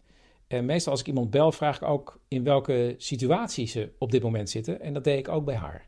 Ja, nou, ik zit eigenlijk best wel in een vrij normale situatie, want ik werk gewoon. Ik werk in een soort crisisopvang. Dus eh, mensen die kunnen hier verblijven tot drie tot eh, vijf dagen. En dat, dat loopt eigenlijk gewoon door. Het is alleen, eh, dacht ik, ik dacht eigenlijk dat het veel drukker zou zijn. Want er worden hier veel mensen geplaatst vanuit een huiselijke geweldsituatie. En je verwacht eigenlijk dat dat meer gaat voorkomen. Maar dat is eigenlijk niet zo. Wij hebben het eigenlijk sinds de coronatijd juist heel stil. Dus het kan zijn doordat ze niet uh, dat ze een beetje onder de radar blijven, doordat ze veilig thuis en wijkagenten toch gewoon minder op huisbezoek gaan. Hmm. Maar het, uh, ja, ik, ik zou het anders niet weten hoe het komt dat het zo rustig is. dus uh, ja. Ja, maar maak je daar dan extra zorgen over? Nou, eigenlijk wel, omdat ik gewoon wel verwacht dat het er is. En het is natuurlijk altijd al moeilijk om, uh, om uh, dit boven water te krijgen. Dus en mm, ja, als dat, weet je, als het onder de radar blijft, is het natuurlijk eigenlijk nog schrijnender, vind ik. Dus um, ja, dat is best wel zorgelijk eigenlijk. Ja, en zijn er ook praktische dingen veranderd? Dat je bijvoorbeeld uh, met mondkapjes moet rondlopen of zoiets? Wij, wij werken niet met mondkapjes of met Nee, we zijn in het begin waren we heel voorzichtig met constant alles ontsmetten. Ja, dat is, dat laat je ook een beetje los nu, merk ik. Omdat, ja, we, tot nu toe, we hebben één keer iemand binnen gehad die corona heeft. Die, die is gelijk eigenlijk de volgende dag vertrokken. En daar hebben we eigenlijk geen, um, er zijn geen uh, andere besmettingen geweest of geen problemen uit voortgekomen. Jullie hadden gewoon een beetje afstand, ontsmetten en kijken gewoon hoe het gaat. En het is gewoon dus heel rustig, dus dat is makkelijk. Ja, dat is, som, ja, soms is het wel druk. Het is wel drukker geweest dat we gewoon met veel kinderen en veel gezinnen. Ja, dan is het wat drukker. Maar ja, weet je, het is gewoon ook niet te doen om die anderhalve meter hier te houden. Ze hebben, vaak ze zitten in crisis. Dus ze hebben gewoon niet, niet uh, geen zicht op dat er nog een andere crisis, net als corona, speelt. Dus ze hebben er gewoon vaak gewoon geen erg in. Weet je? Dan hangen ze ineens over je heen. Of, uh, en je kan het blijven zeggen, maar het heeft gewoon geen nut. Dus dan laat je het zelf ook een beetje los. En uh, ja, het, je, weet je, als je werkt heb je toch risico. Dus als ik het krijg, krijg ik het wel. En als ik het niet krijg, dan, ja, dan niet. Astrid had ook drie woorden ingestuurd. Namelijk Griekenland, boot en onbewoond eiland. En dit is haar verhaal. Nou, ik uh, was begin twintig. Ik ging voor het eerst op vakantie met mijn beste vriendin. We hadden, uh, nou ja, je bent dan jong en je mag voor het eerst op vakantie alleen. Dus we gingen drie weken kamperen in Griekenland. Dus de twee meisjes reizen erheen, staan op een camping en... Wij hadden een topvakantie. Het was echt fantastisch. We hadden echt een prachtige camping. Mooi blauw water. Het was echt allemaal geweldig. En uh, wij gingen op een gegeven moment in een dorpje uh, gingen we koffie drinken. En we zaten op zo'n terrasje en we zeiden van nou, dit is echt onze mooiste vakantie ever. En we hadden wel zoiets van nou, wat nou nog het allerleukste zou zijn, is dat we als we met een boot mee mochten. Ja, toeval of niet, maar op dat terras zit een Nederlander. Die hoort de meisjes praten en die gaat naar ze toe. Hij stelde zich voor als Ivo. En wat zei Ivo? Nou, ik heb een boot. En jullie mogen wel uh, meevaren. Oh, meevaren. Maar, maar wacht even, Astrid. Uh, hoe, hoe oud was hij, denk je? Ik denk dat hij begin 40 was. En wij waren begin 20. En hoe zag hij eruit? Hij was een beetje klein, een beetje mollig, een beetje kalig. Het was niet een aantrekkelijke man of zo. Ja, maar, maar wat vonden jullie van het aanbod? Ja, mijn vriendin die was zo enthousiast. En, die, die, en ik had nog wel een beetje zoiets van, ja, moeten we dat nou nog wel doen? Maar ja, de meisjes hebben het er even over. En ja, het is een Nederlander met een boot. En hij zei: We gaan naar een onbewoond eiland. En dus gaan ze de volgende dag mee. Nou, prachtig zeilbootje, kleintje, maar wel met een kajuit. En het zag er echt fantastisch uit. Dus wij uh, op die boot en wij varen. En nou, hij was heel vriendelijk. En halverwege de tocht, zeg maar, op de boot, Ja, ging hij wel een soort praatje natuurlijk met ons maken. En dan ging vragen stellen wat we allemaal deden in Nederland. En of we vriendinnen waren. En of we alleen op vakantie waren. En toen, toen eh, zei hij van, joh, als je wil, we gaan daar straks naar dat onbewoond eiland. En dan kan je heel mooi zwemmen. zwemmen. Dus als je je bikini aan wil doen, dan kan dat. Dus op die manier ging hij wel ons een beetje zitten, zitten, zitten prikkelen van. En toen, dat, dat vonden we ook wel een beetje eng worden. Zo van, oh jee, we hadden wel, hebben we nou echt een goede keuze gemaakt om dit te doen. Dus, en toen hebben we ook nog, daar nog niet aan toegegeven. We hebben toen niet eh, nog onze kleding uitgedaan in ons bikini. Eh, daar, en maar toen we eenmaal bij dat onbewoond eiland kwamen, ja, toen, ja, zo naïef ben je. Toen werden we eigenlijk overvallen voor de, van de schoonheid daar. En zeiden we van, joh, dat is echt zo fantastisch. Dus toen gingen we wel zwemmen en toen vergaten we hem ook eigenlijk een beetje. We gingen ook foto's maken, onderwaterfoto's. Het was echt uh, prachtige vissen zag je in het water. Het was uh, helemaal groen. Ja, het, het was tropisch. Het was prachtig.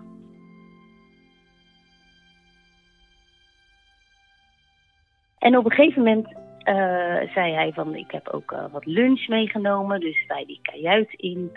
En uh, toen keken we elkaar aan, want toen schrokken we wel een beetje, want toen zagen we een soort kapmessen aan de muur hangen. En dat, of ja, en dat was denk ik wel voor de sier, maar toch ja, schrik je daar even van. Dus toen keken we elkaar wel aan van jee. Maar toen ging die, eigenlijk was hij toen wel weer heel vriendelijk. Dus toen liep hij allemaal, had hij helemaal de tafel gedekt. Een klein tafeltje met allemaal brood en lekkere worst en, en, en kaasjes. Dat, dat, dat, zag er eigenlijk wel weer een soort heel leuk uit. En toen was hij eigenlijk wel weer heel vriendelijk. Uh, en, maar hij, hij, had wel een soort blik in zijn ogen waarvan wij wel een soort nerveus werden. Het was, leek ook alsof hij heel aardig wilde zijn. Uh, ja, om vervolgens iets anders te willen met ons of zo. Dus daar waren we wel heel erg op ons hoede. De meisjes zeggen na de lunch: Ja, we willen eigenlijk toch liever terugvaren. En Ivo zegt: Nou ja, jullie zijn alleen op vakantie. We hebben alle tijd. En dan proberen ze hem toch over te halen. En uiteindelijk hebben we hem wel zover gekregen met een verhaal van ja, onze ouders, wij zijn met onze ouders op vakantie en die wachten op ons, we moeten terug. Nou, daar, daar was hij wel een soort gevoelig voor. Dus toen, toen keerde hij toch terug met ons. En uh, hij, hij gaf mij de opdracht om aan het roer te zitten. Dus ik mocht, moest, moest sturen. En dat vond ik in eerste instantie op zich heel wel leuk. Maar ik begreep later waarvoor dat was. Want hij werd een soort echt handtastelijk naar mijn vriendin. En dat handtastelijke, ja, wat gebeurde er precies? Ik zag dat hij aan, mij, aan de borsten van mijn vriendin zat. En ik zag aan mijn vriendin dat hij dat niet wilde. Dus die ging ook een beetje bewegen zo van laat dat. En hij, uh, hij bleef eigenlijk maar tegen ons praten. Van jullie wilden dat toch zelf met die boot mee. En je had het toch gevraagd. En uh, ja, dan is dit ook wel de consequentie dat ik ook wel iets met jullie mag. Omdat Ivo ja, zich waarschijnlijk afgewezen voelt, begint hij ook in de derde persoon over zichzelf te praten. Arme kleine Ivo, want ik, uh, nou uh, mag ik niks met jullie doen. En dat was toch zeker wel de bedoeling. Dus toen ging hij weer aan mijn vriendin zitten. En zij maar draaien en ik op een gegeven moment hem maar slaan. Zo van, joh, doe dat niet. Weet je, dit, dit, is onzin. Wij, wij, wij dachten dat we gewoon een leuke tripje met jou mochten maken. Maar helemaal niet. Dit was natuurlijk totaal niet de bedoeling. Het is helemaal niet, dat willen we helemaal niet. Dus en ja, hij bleef dat eigenlijk maar zeggen van nou, arme kleine Ivo. En ik, uh, ja, ik, ik heb toch recht op, op iets meer. Dat was eigenlijk zijn boodschap. Dus dat werd een hele nare rit uh, terug. Kabbelend, helemaal niet met het motortje aan, met dat zeiltje heel langzaam pruttelend gingen we terug. Dus dat duurde heel lang. En op een gegeven moment kwamen er bootjes voorbij. En ik weet nog dat ik toen op een gegeven moment ging met mijn hand zo van wuiven, zo van help, help. Maar ja, hoe doe je dat? Help, help. Dus hun dachten gewoon dat wij heel vrolijk aan het zwaaien waren. Dus ze gingen ook staan en heel, heel blij zwaaien. Zo van, leuk hè, hier. Maar goed, we, gingen, we varen nog steeds richting kade. Dus dat was wel goed. En uh, uh, zo zijn we toch bij de kade terechtgekomen. En uh, nou ja, wij zijn op die kade gesprongen. En ik vergeet echt nooit meer. We zijn gaan rennen. Keihard. En eh, toen kwamen we in het dorpje daar en toen waren we zo gelukkig. Maar we gingen ook een soort van de zenuwen ook een soort lachen. En we gingen een heel, ik weet nog dat we een heel groot ijsje gingen kopen als beloning dat we nog leefden en dat we veilig weer op de kade waren. Nee, en als wij, wij durfden ook eigenlijk niet meer terug naar dat dorp, want we waren altijd nog een beetje bang dat we hem zagen. Ja. Ja. Het heeft totaal niet onze vakantie verpest, eigenlijk helemaal niet, want we hebben eigenlijk een superleuke vakantie gehad nog steeds daarna. En het was een soort avontuur wat we hadden beleefd. En hebben jullie die foto's nog? Ja, zeker. ja, die hebben we nog. ook van hem. En als we, daar, als we die foto's zien, dan gaan wij altijd heel hard lachen samen. Arme kleine Ivo, zeggen we dan.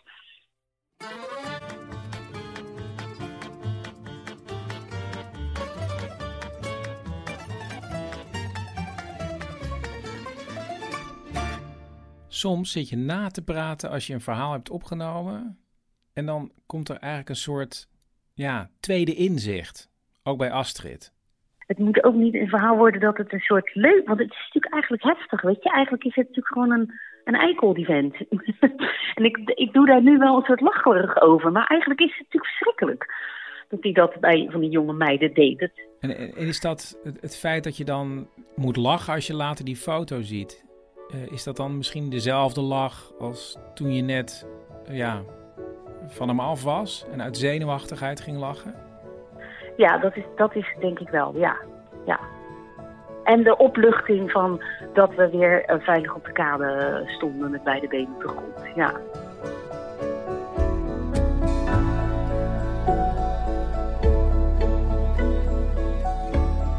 Dit was aflevering 74 van Lockdown. En het is nog één week tot 1 juni. Dus we gaan de laatste week in. Heb je nog een lockdown verhaal? Bel dan drie woorden door naar 084 83 71 282. Reacties? Man met de microfoon gmail.com. Voor zometeen, slaap lekker. Of anders, goeiemorgen. Maak er een mooie dag van.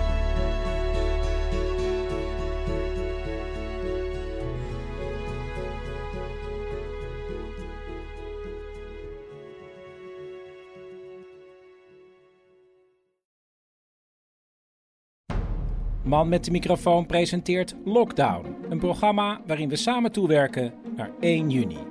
En dit is aflevering 75.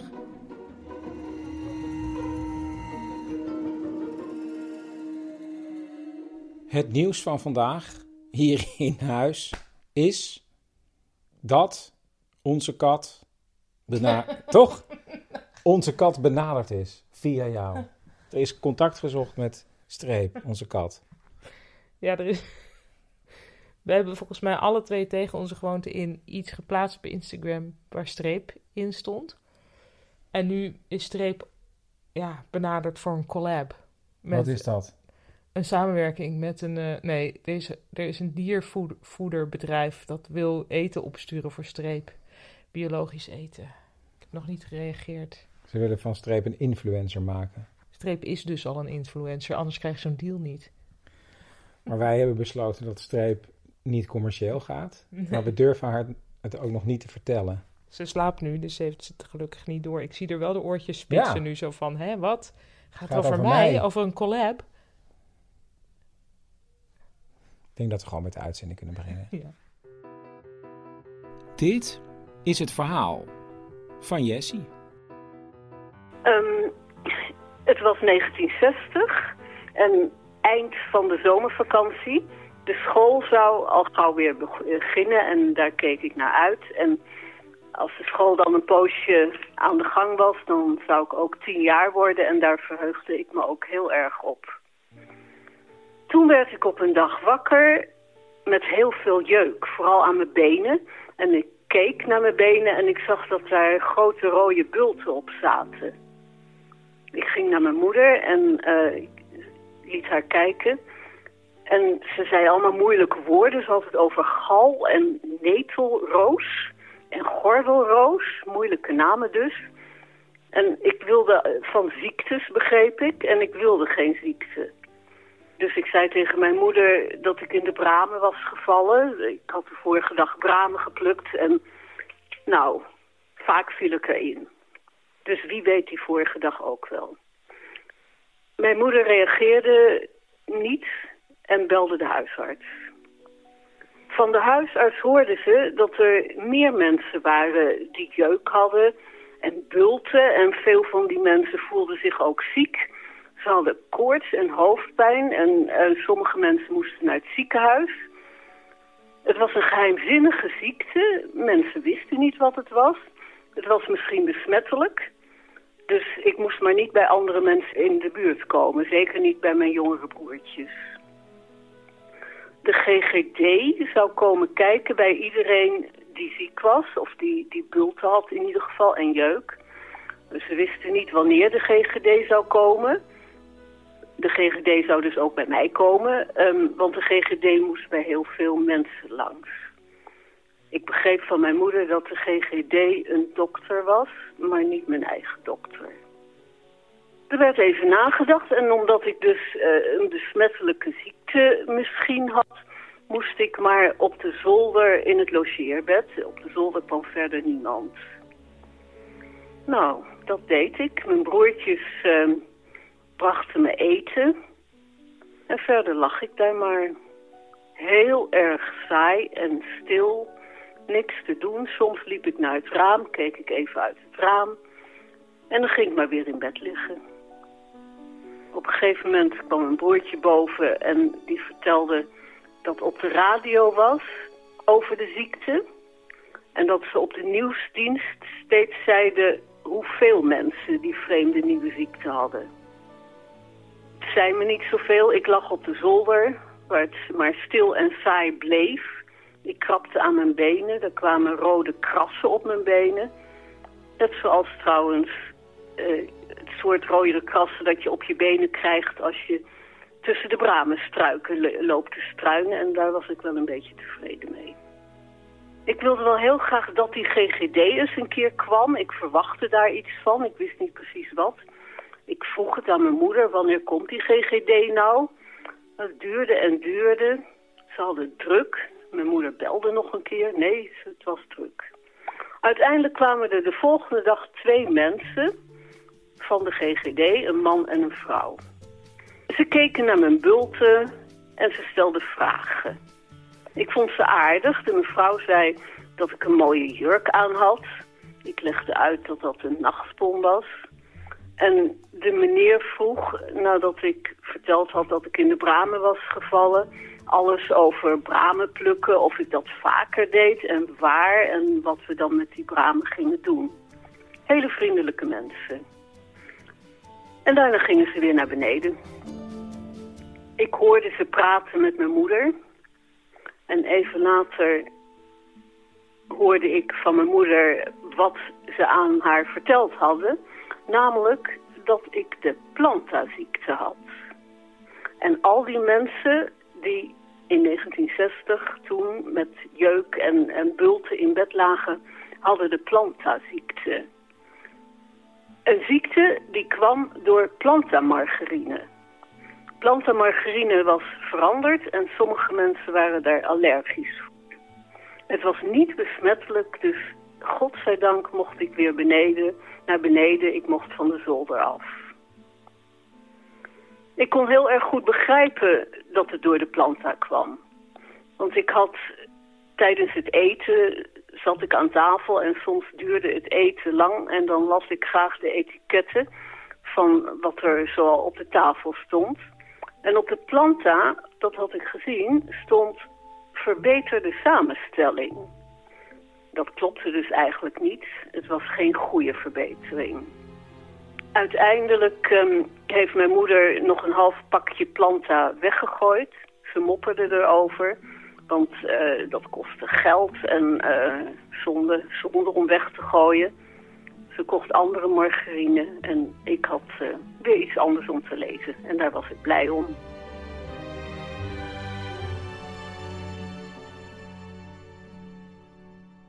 Bert.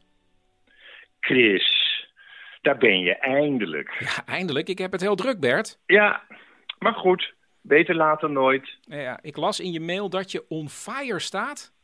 Ja, Nou ja, niet echt natuurlijk, maar ik sta dus wel behoorlijk aan, Chris. Oh, hoezo? Nou ja, hoezo? Je podcast gaat volgende week in lockdown, hè? Dus nu ben ik al bezig wat ik daarna ga doen. Oh, wat, ja, wat, hoezo? Ja, ik sta niet stil, Chris. Ik Oh. moet ook verder. Ja. En dat klinkt misschien hard om te zeggen, maar eh, daar was ik ook al een beetje mee bezig toen we nog midden in de aflevering zaten. We, we zaten midden in... Ja, Hoezo we? ik heb me de afgelopen drie weken omgeschoold. Omgeschoold? Ja, ik ben nu practical life coach. Practical life coach? Ja, en nu vraag jij je natuurlijk af, Bert, wat is een practical life coach? Nou, nee, niet echt. Maar ik neem aan dat je Een practical life coach is een coach die niet werkt met vergezichten of punten op de horizon. Maar? Heel goed. Nu pak ik toch even een briefje bij. Uh, practical life coach thinks that improvement starts with convenience within your personal surroundings. Waarom in het Engels? Change is without borders, Chris. Maar goed, ja, verbetering begint met gemak in je eigen omgeving, zoiets? Ja, ja. Kijk, je moet alles in je dagelijks leven zo vormgeven dat het zo glad mogelijk verloopt. Want? Want alleen dan schep je de voorwaarden voor een leven zonder hobbels. Een leven zonder Dus, en dat staat hier ook op mijn briefje, vermijd frustratie, vermijd irritatie. Dat zijn de zogenaamde energieslurpers. Hè, maar dat staat dan weer niet in het Engels op je briefje. Nee, ik begin in Nederland, maar werk as we speak aan een vertaling. As we speak. Maar dat kan Ja. toch niet? Dat is toch heel raar, Bert? Je kan niet as we speak op dit moment. Dat is eigenlijk een fout. Ja, en ik breng dit dus meteen ook in de praktijk. Ik laat deze opmerking meteen van me afrollen. Hop, en daar ligt hij. Maar goed, in principe gaat het om praktische ingrepen. Leg uit. Dankjewel. Hier heb ik het. Ehm, zorg voor een goede kaasschaaf. Koop geroosterde muesli, zodat je niet de hele tijd aan het kijken bent hoeveel suiker je nu weer aan het binnenschuiven bent met je zogenaamde gezonde kruisje. Maar Ehm, verschoon een kattenbak alleen als je de kat ook zelf gewild hebt. Hè? Mocht daar nu een misverstand over zijn, zorg dan bij de volgende kat, als je die ook weer niet kunt tegenhouden, dat daar dan wel echt harde afspraken over gemaakt worden. Gaat dit over Poekie, Eh, Bert? Leg je sleutels op een vaste plek als je binnenkomt. Koop, als je eenmaal het goede merk gevonden hebt, altijd hetzelfde wc-papier. Dat is allemaal wat te noemen. Ja. Ja. Maar dit klinkt heel erg als praktische dingen om het leven van Bert beter te maken. Maar wat bij mij werkt, dat kan bij iedereen werken, Chris. Wie heeft jou eigenlijk omgeschoold? Ik? Dat was ik zelf. Omdat het uiteindelijk Bert zelf is die weet wat het beste voor Bert is. En, en dat probeer je nu eh, over te brengen op anderen van die Bert. Precies. En heb je al klanten? Of zijn het eigenlijk klanten of, of meer patiënten? Nou, ik noem het zelf liever eh, cliënten. En nee, nog niet. Maar eh, ik zit dus nu ook nog in de opstartfase. Hè. Volgende week dan is de officiële lounge. Een lounge? Ja, een lounge. Kijk, nu ligt mijn total focus nog op deze podcast. Dat vraagt ook een bepaalde mindset. Ja, begrijp ik. Dus. Eh, ja. hey, eh, ik las vanmorgen dat er ook een lerarentekort is, Bert. Oh, is het zo? Mijn moeder zei altijd, Bert, je bent gemaakt voor het onderwijs. Nou, misschien moet je gewoon eens kijken Ja. of je je daar kan aanmelden, Bert. Als backup? Meester Bert. Ja. Jongens, even opletten allemaal. En nu is het helemaal stil. Nou, Bert, Ah. je bent ervoor gemaakt. Ja.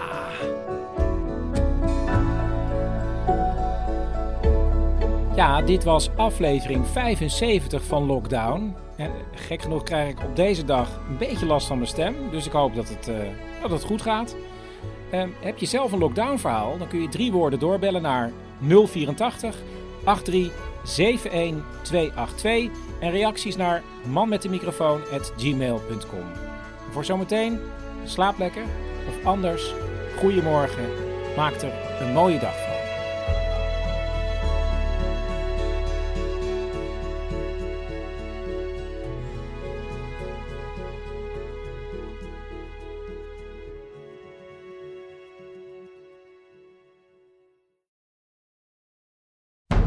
Man met de microfoon presenteert Lockdown, een programma waarin we samen toewerken naar 1 juni. En dit is aflevering 76. Hè? Zeg het eens goed. 76. Precies, je weet het wel. Is. Paulien. Je hebt iets gedaan met betrekking tot de BMR-prik. Die had Teun moeten krijgen toen hij 9 was. Maar omdat jij een, wat we nu noemen, nonchalantifaxer bent, is dat er niet van gekomen. Nee, Teun is 16. Is inmiddels 16, dus het is nu al zeven jaar niet gelukt. Nee. Maar nu? Ja, nou, het is de Bof Mazelen rode hond prik.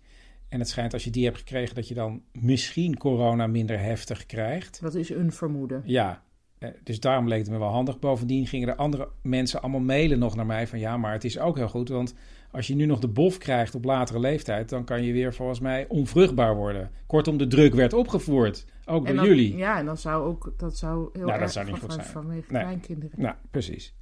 Ehm, en iemand mailde mij van... hé, hey, maar je kan gewoon bij je huisarts zo'n prik regelen. Waarom moet je lachen? Ja, want Het is heel logisch misschien. nou, ik weet niet. Ja, ik wist het ook niet, maar het klinkt Het als is, een soort postbus 51. Wat, wat blijkt nou? Je kan gewoon. Nou, je Ik kan gewoon doen. regelen bij de huisarts. Dus ik heb gewoon gisteren de huisarts gebeld. En vandaag is er een afspraak gemaakt. Volgende week haalt Teun zijn BMR-vaccin. Iets anders waar we het even over moeten hebben nog. Ehm, je gaat nu nog vijf dagen lockdown. Ja. Komt eraan. Er komen wel nog heel veel mensen die bellen drie woorden in, wat superleuk is. Dat zijn er op zich te veel om nog allemaal... Veel te veel. Ja, maar wel leuk. Maar hoor. ik was zo benieuwd zelf, wat zou nou jouw ideale lockdown verhaal zijn, Chris? Ja, er is voor mij eigenlijk een ideaal lockdown verhaal. Wat er, nou, er is nog niemand geweest die een, een coming-out verhaal heeft gedaan. Een out-of-the-closet verhaal. Er moet toch iemand zijn, ken je niet iemand, en die gewoon echt een bijzonder coming-out verhaal Nou, heeft. Of niet bijzonder. Nou Volgens ja, mij maar- leg je daar de druk dan alweer veel te veel op. Dus gewoon, ja, kom daar eens mee. Ja, dat zou ik echt heel leuk vinden.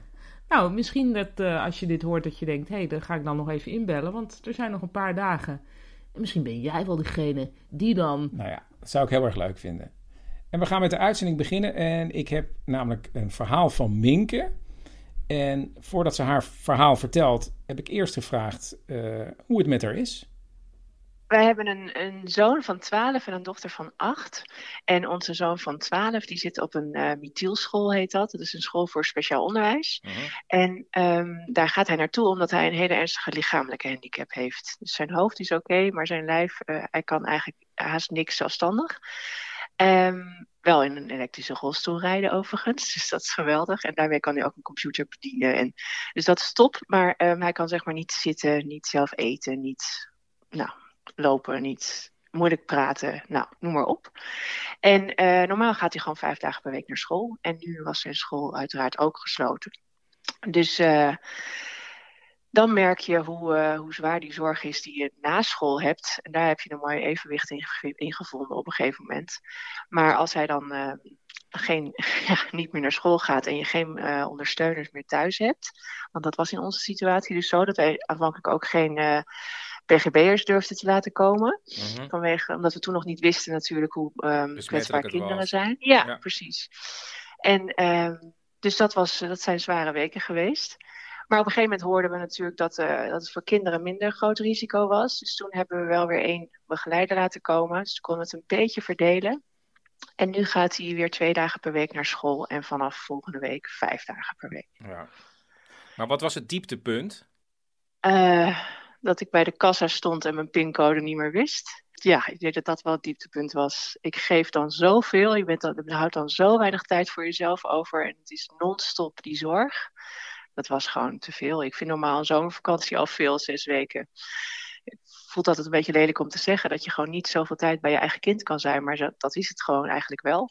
En nu eh, waren het op een gegeven moment acht, acht en tien weken. En ik dacht, oh, maar ja, het... eh, Maar wat gebeurde er met jou dan? Wat, je, wist, je stond er bij de kassa en van, van alle drukte wist je je eigen pincode niet meer. Nee, precies. Ik denk dat dat eh, ja, gewoon te veel stress, te veel, eh, te veel eh, fysiek. Ik heb, ja, krijg je gewoon klachten als je zoveel zelf moet tillen en zelf moet doen, zonder eh, met weinig begeleiding. Dus dat was, ja, ik denk dat het gewoon een beetje naar mijn hoofd was gestegen. Ja. En wat deed je toen, toen je je pincode niet meer wist? Toen, toen heb ik mijn man gebeld. Die helderheid van geest had ik nog wel. En die is toegekomen. We wonen gelukkig vlakbij de supermarkt. Maar heb je die overstuur opgebeld? Of...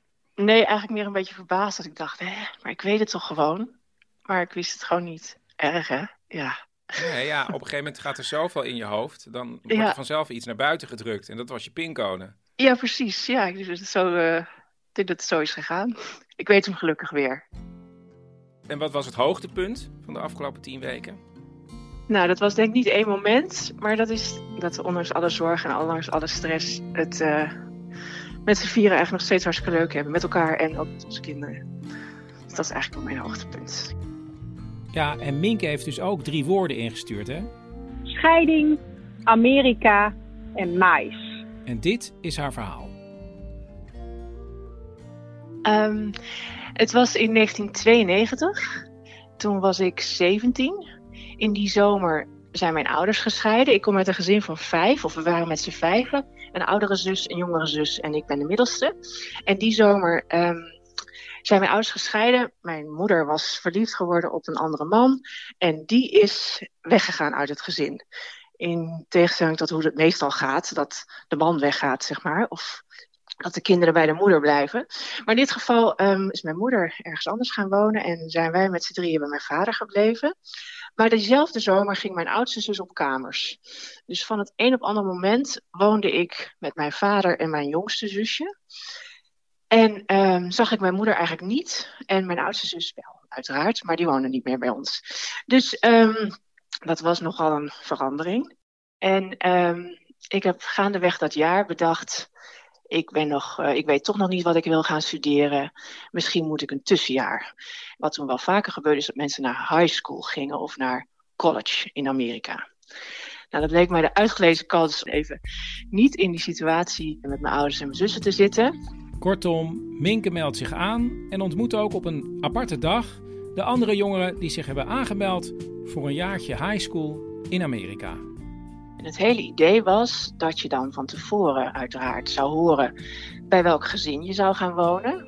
En ja, Minke kijkt uit naar de dag van vertrek, maar is ook benieuwd naar welk gezin ze gaat. Nou, op een gegeven moment dacht ik, ja, wat duurt dat lang? Waarom krijg ik nou geen, eh, geen adres? En nou, ze hadden gewoon nog geen koppeling van mij, tussen mij en een gezin kunnen maken. En terwijl alle andere jongeren al lang brieven heen en weer aan het sturen zijn met hun gezin, zit Minke maar te wachten. Nou, dat duurde maar en duurde maar. Ik denk, nou, dat, komt uiteindelijk allemaal goed. Ik ga daar gewoon heen en eh, ze vinden heus wel een gezin. Maar ik ben dus gegaan zonder dat ik wist naar wie ik toe zou gaan.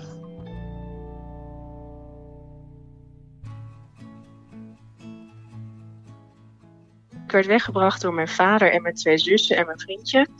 En ehm, het was toen ook nog steeds een hele rare situatie, want we hadden dus geen contact met mijn moeder. En die bleek dan later wel naar Schiphol te zijn gekomen. En zij stond ergens achter een pilaar. Ik heb haar wel gezien, maar ik ben niet naar haar toe gegaan.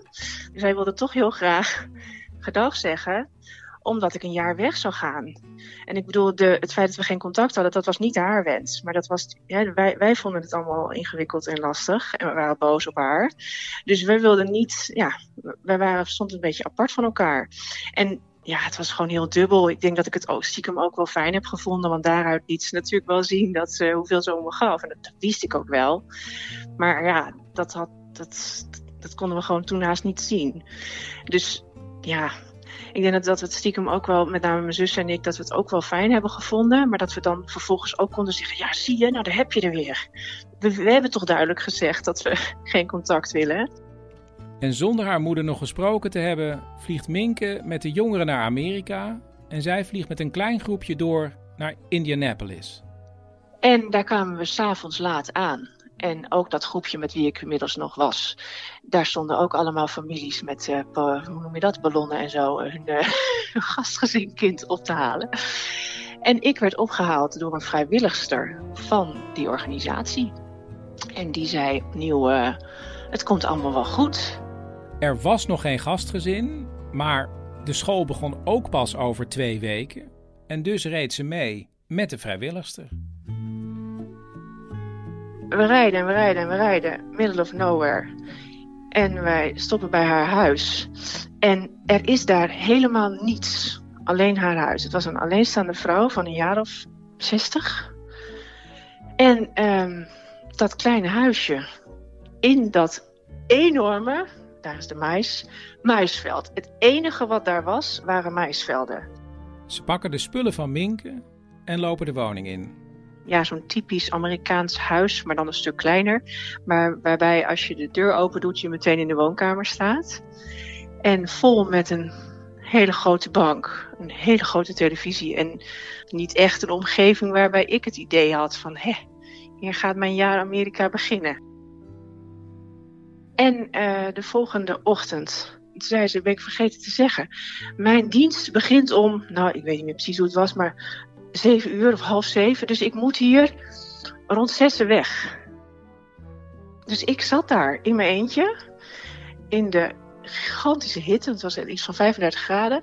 En ik weet nog dat ze zei, ja, kijk, ga maar wat tv kijken of wat uh, wandelen of uh, mais plukken. Ik heb daar gewoon dag in dag uit uh, films gekeken, gelezen, gewandeld en uh, mais geplukt. En aan het eind van iedere dag kwam de oude vrouw terug van haar werk. Dan aten ze wat. En dan? Nou, ik weet wel dat zij wel heel erg geïnteresseerd was in, in andere culturen. Dus ze wilde ook wel veel weten over Nederland. Ze was natuurlijk niet voor niks vrijwilligster geworden bij die organisatie. Dus ik weet wel dat we wel veel gepraat hebben. Maar dat was dan, ze was ook altijd wel heel snel moe, omdat ze dus van die lange diensten draaide. En dus ik denk dat we ook gewoon vroeg naar bed gingen. En Minke vroeg ook steeds van ja, de school begint bijna. Is er al een gezin? Ja, nee, maar we zijn ermee bezig. En toen, ja, zou de school echt bijna gaan beginnen. En toen zei de vrouw, ik, ik, weet het ook niet meer. Ik, nu ga ik gewoon in mijn eigen kerk, want ze ging naar de kerk, dus in, in Indiana is een ontzettend gelovige staat. Ik, uh, ik ga het nu maar bij de kerk proberen. Ja, en toen vroeg ze, wie wilde een exchange student uit Holland?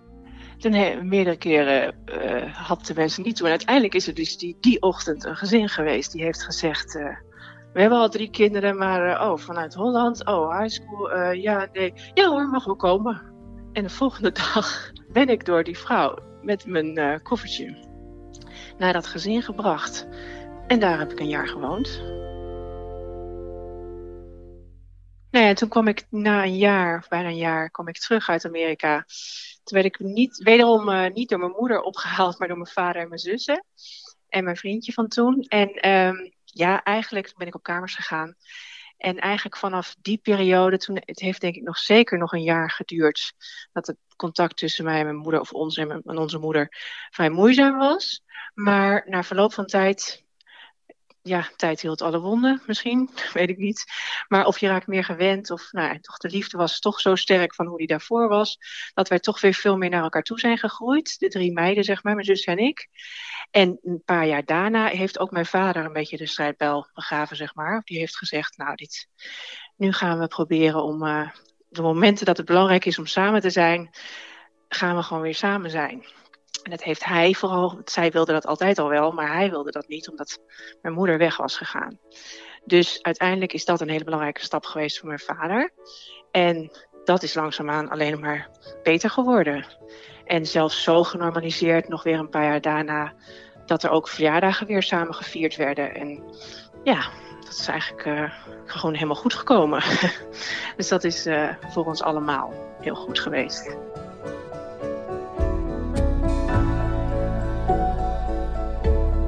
Dit was aflevering 76 van Lockdown. Heb je nou een eigen lockdown-verhaal? Ja, ik mag niet van Paulien zeggen, maar is er al iemand met een heel grappig of bijzonder coming-out verhaal? Nou, bel het door naar 084 8371 282. Uh, reacties, man met de microfoon at gmail.com. En voor zometeen, slaap lekker. Of anders, goedemorgen.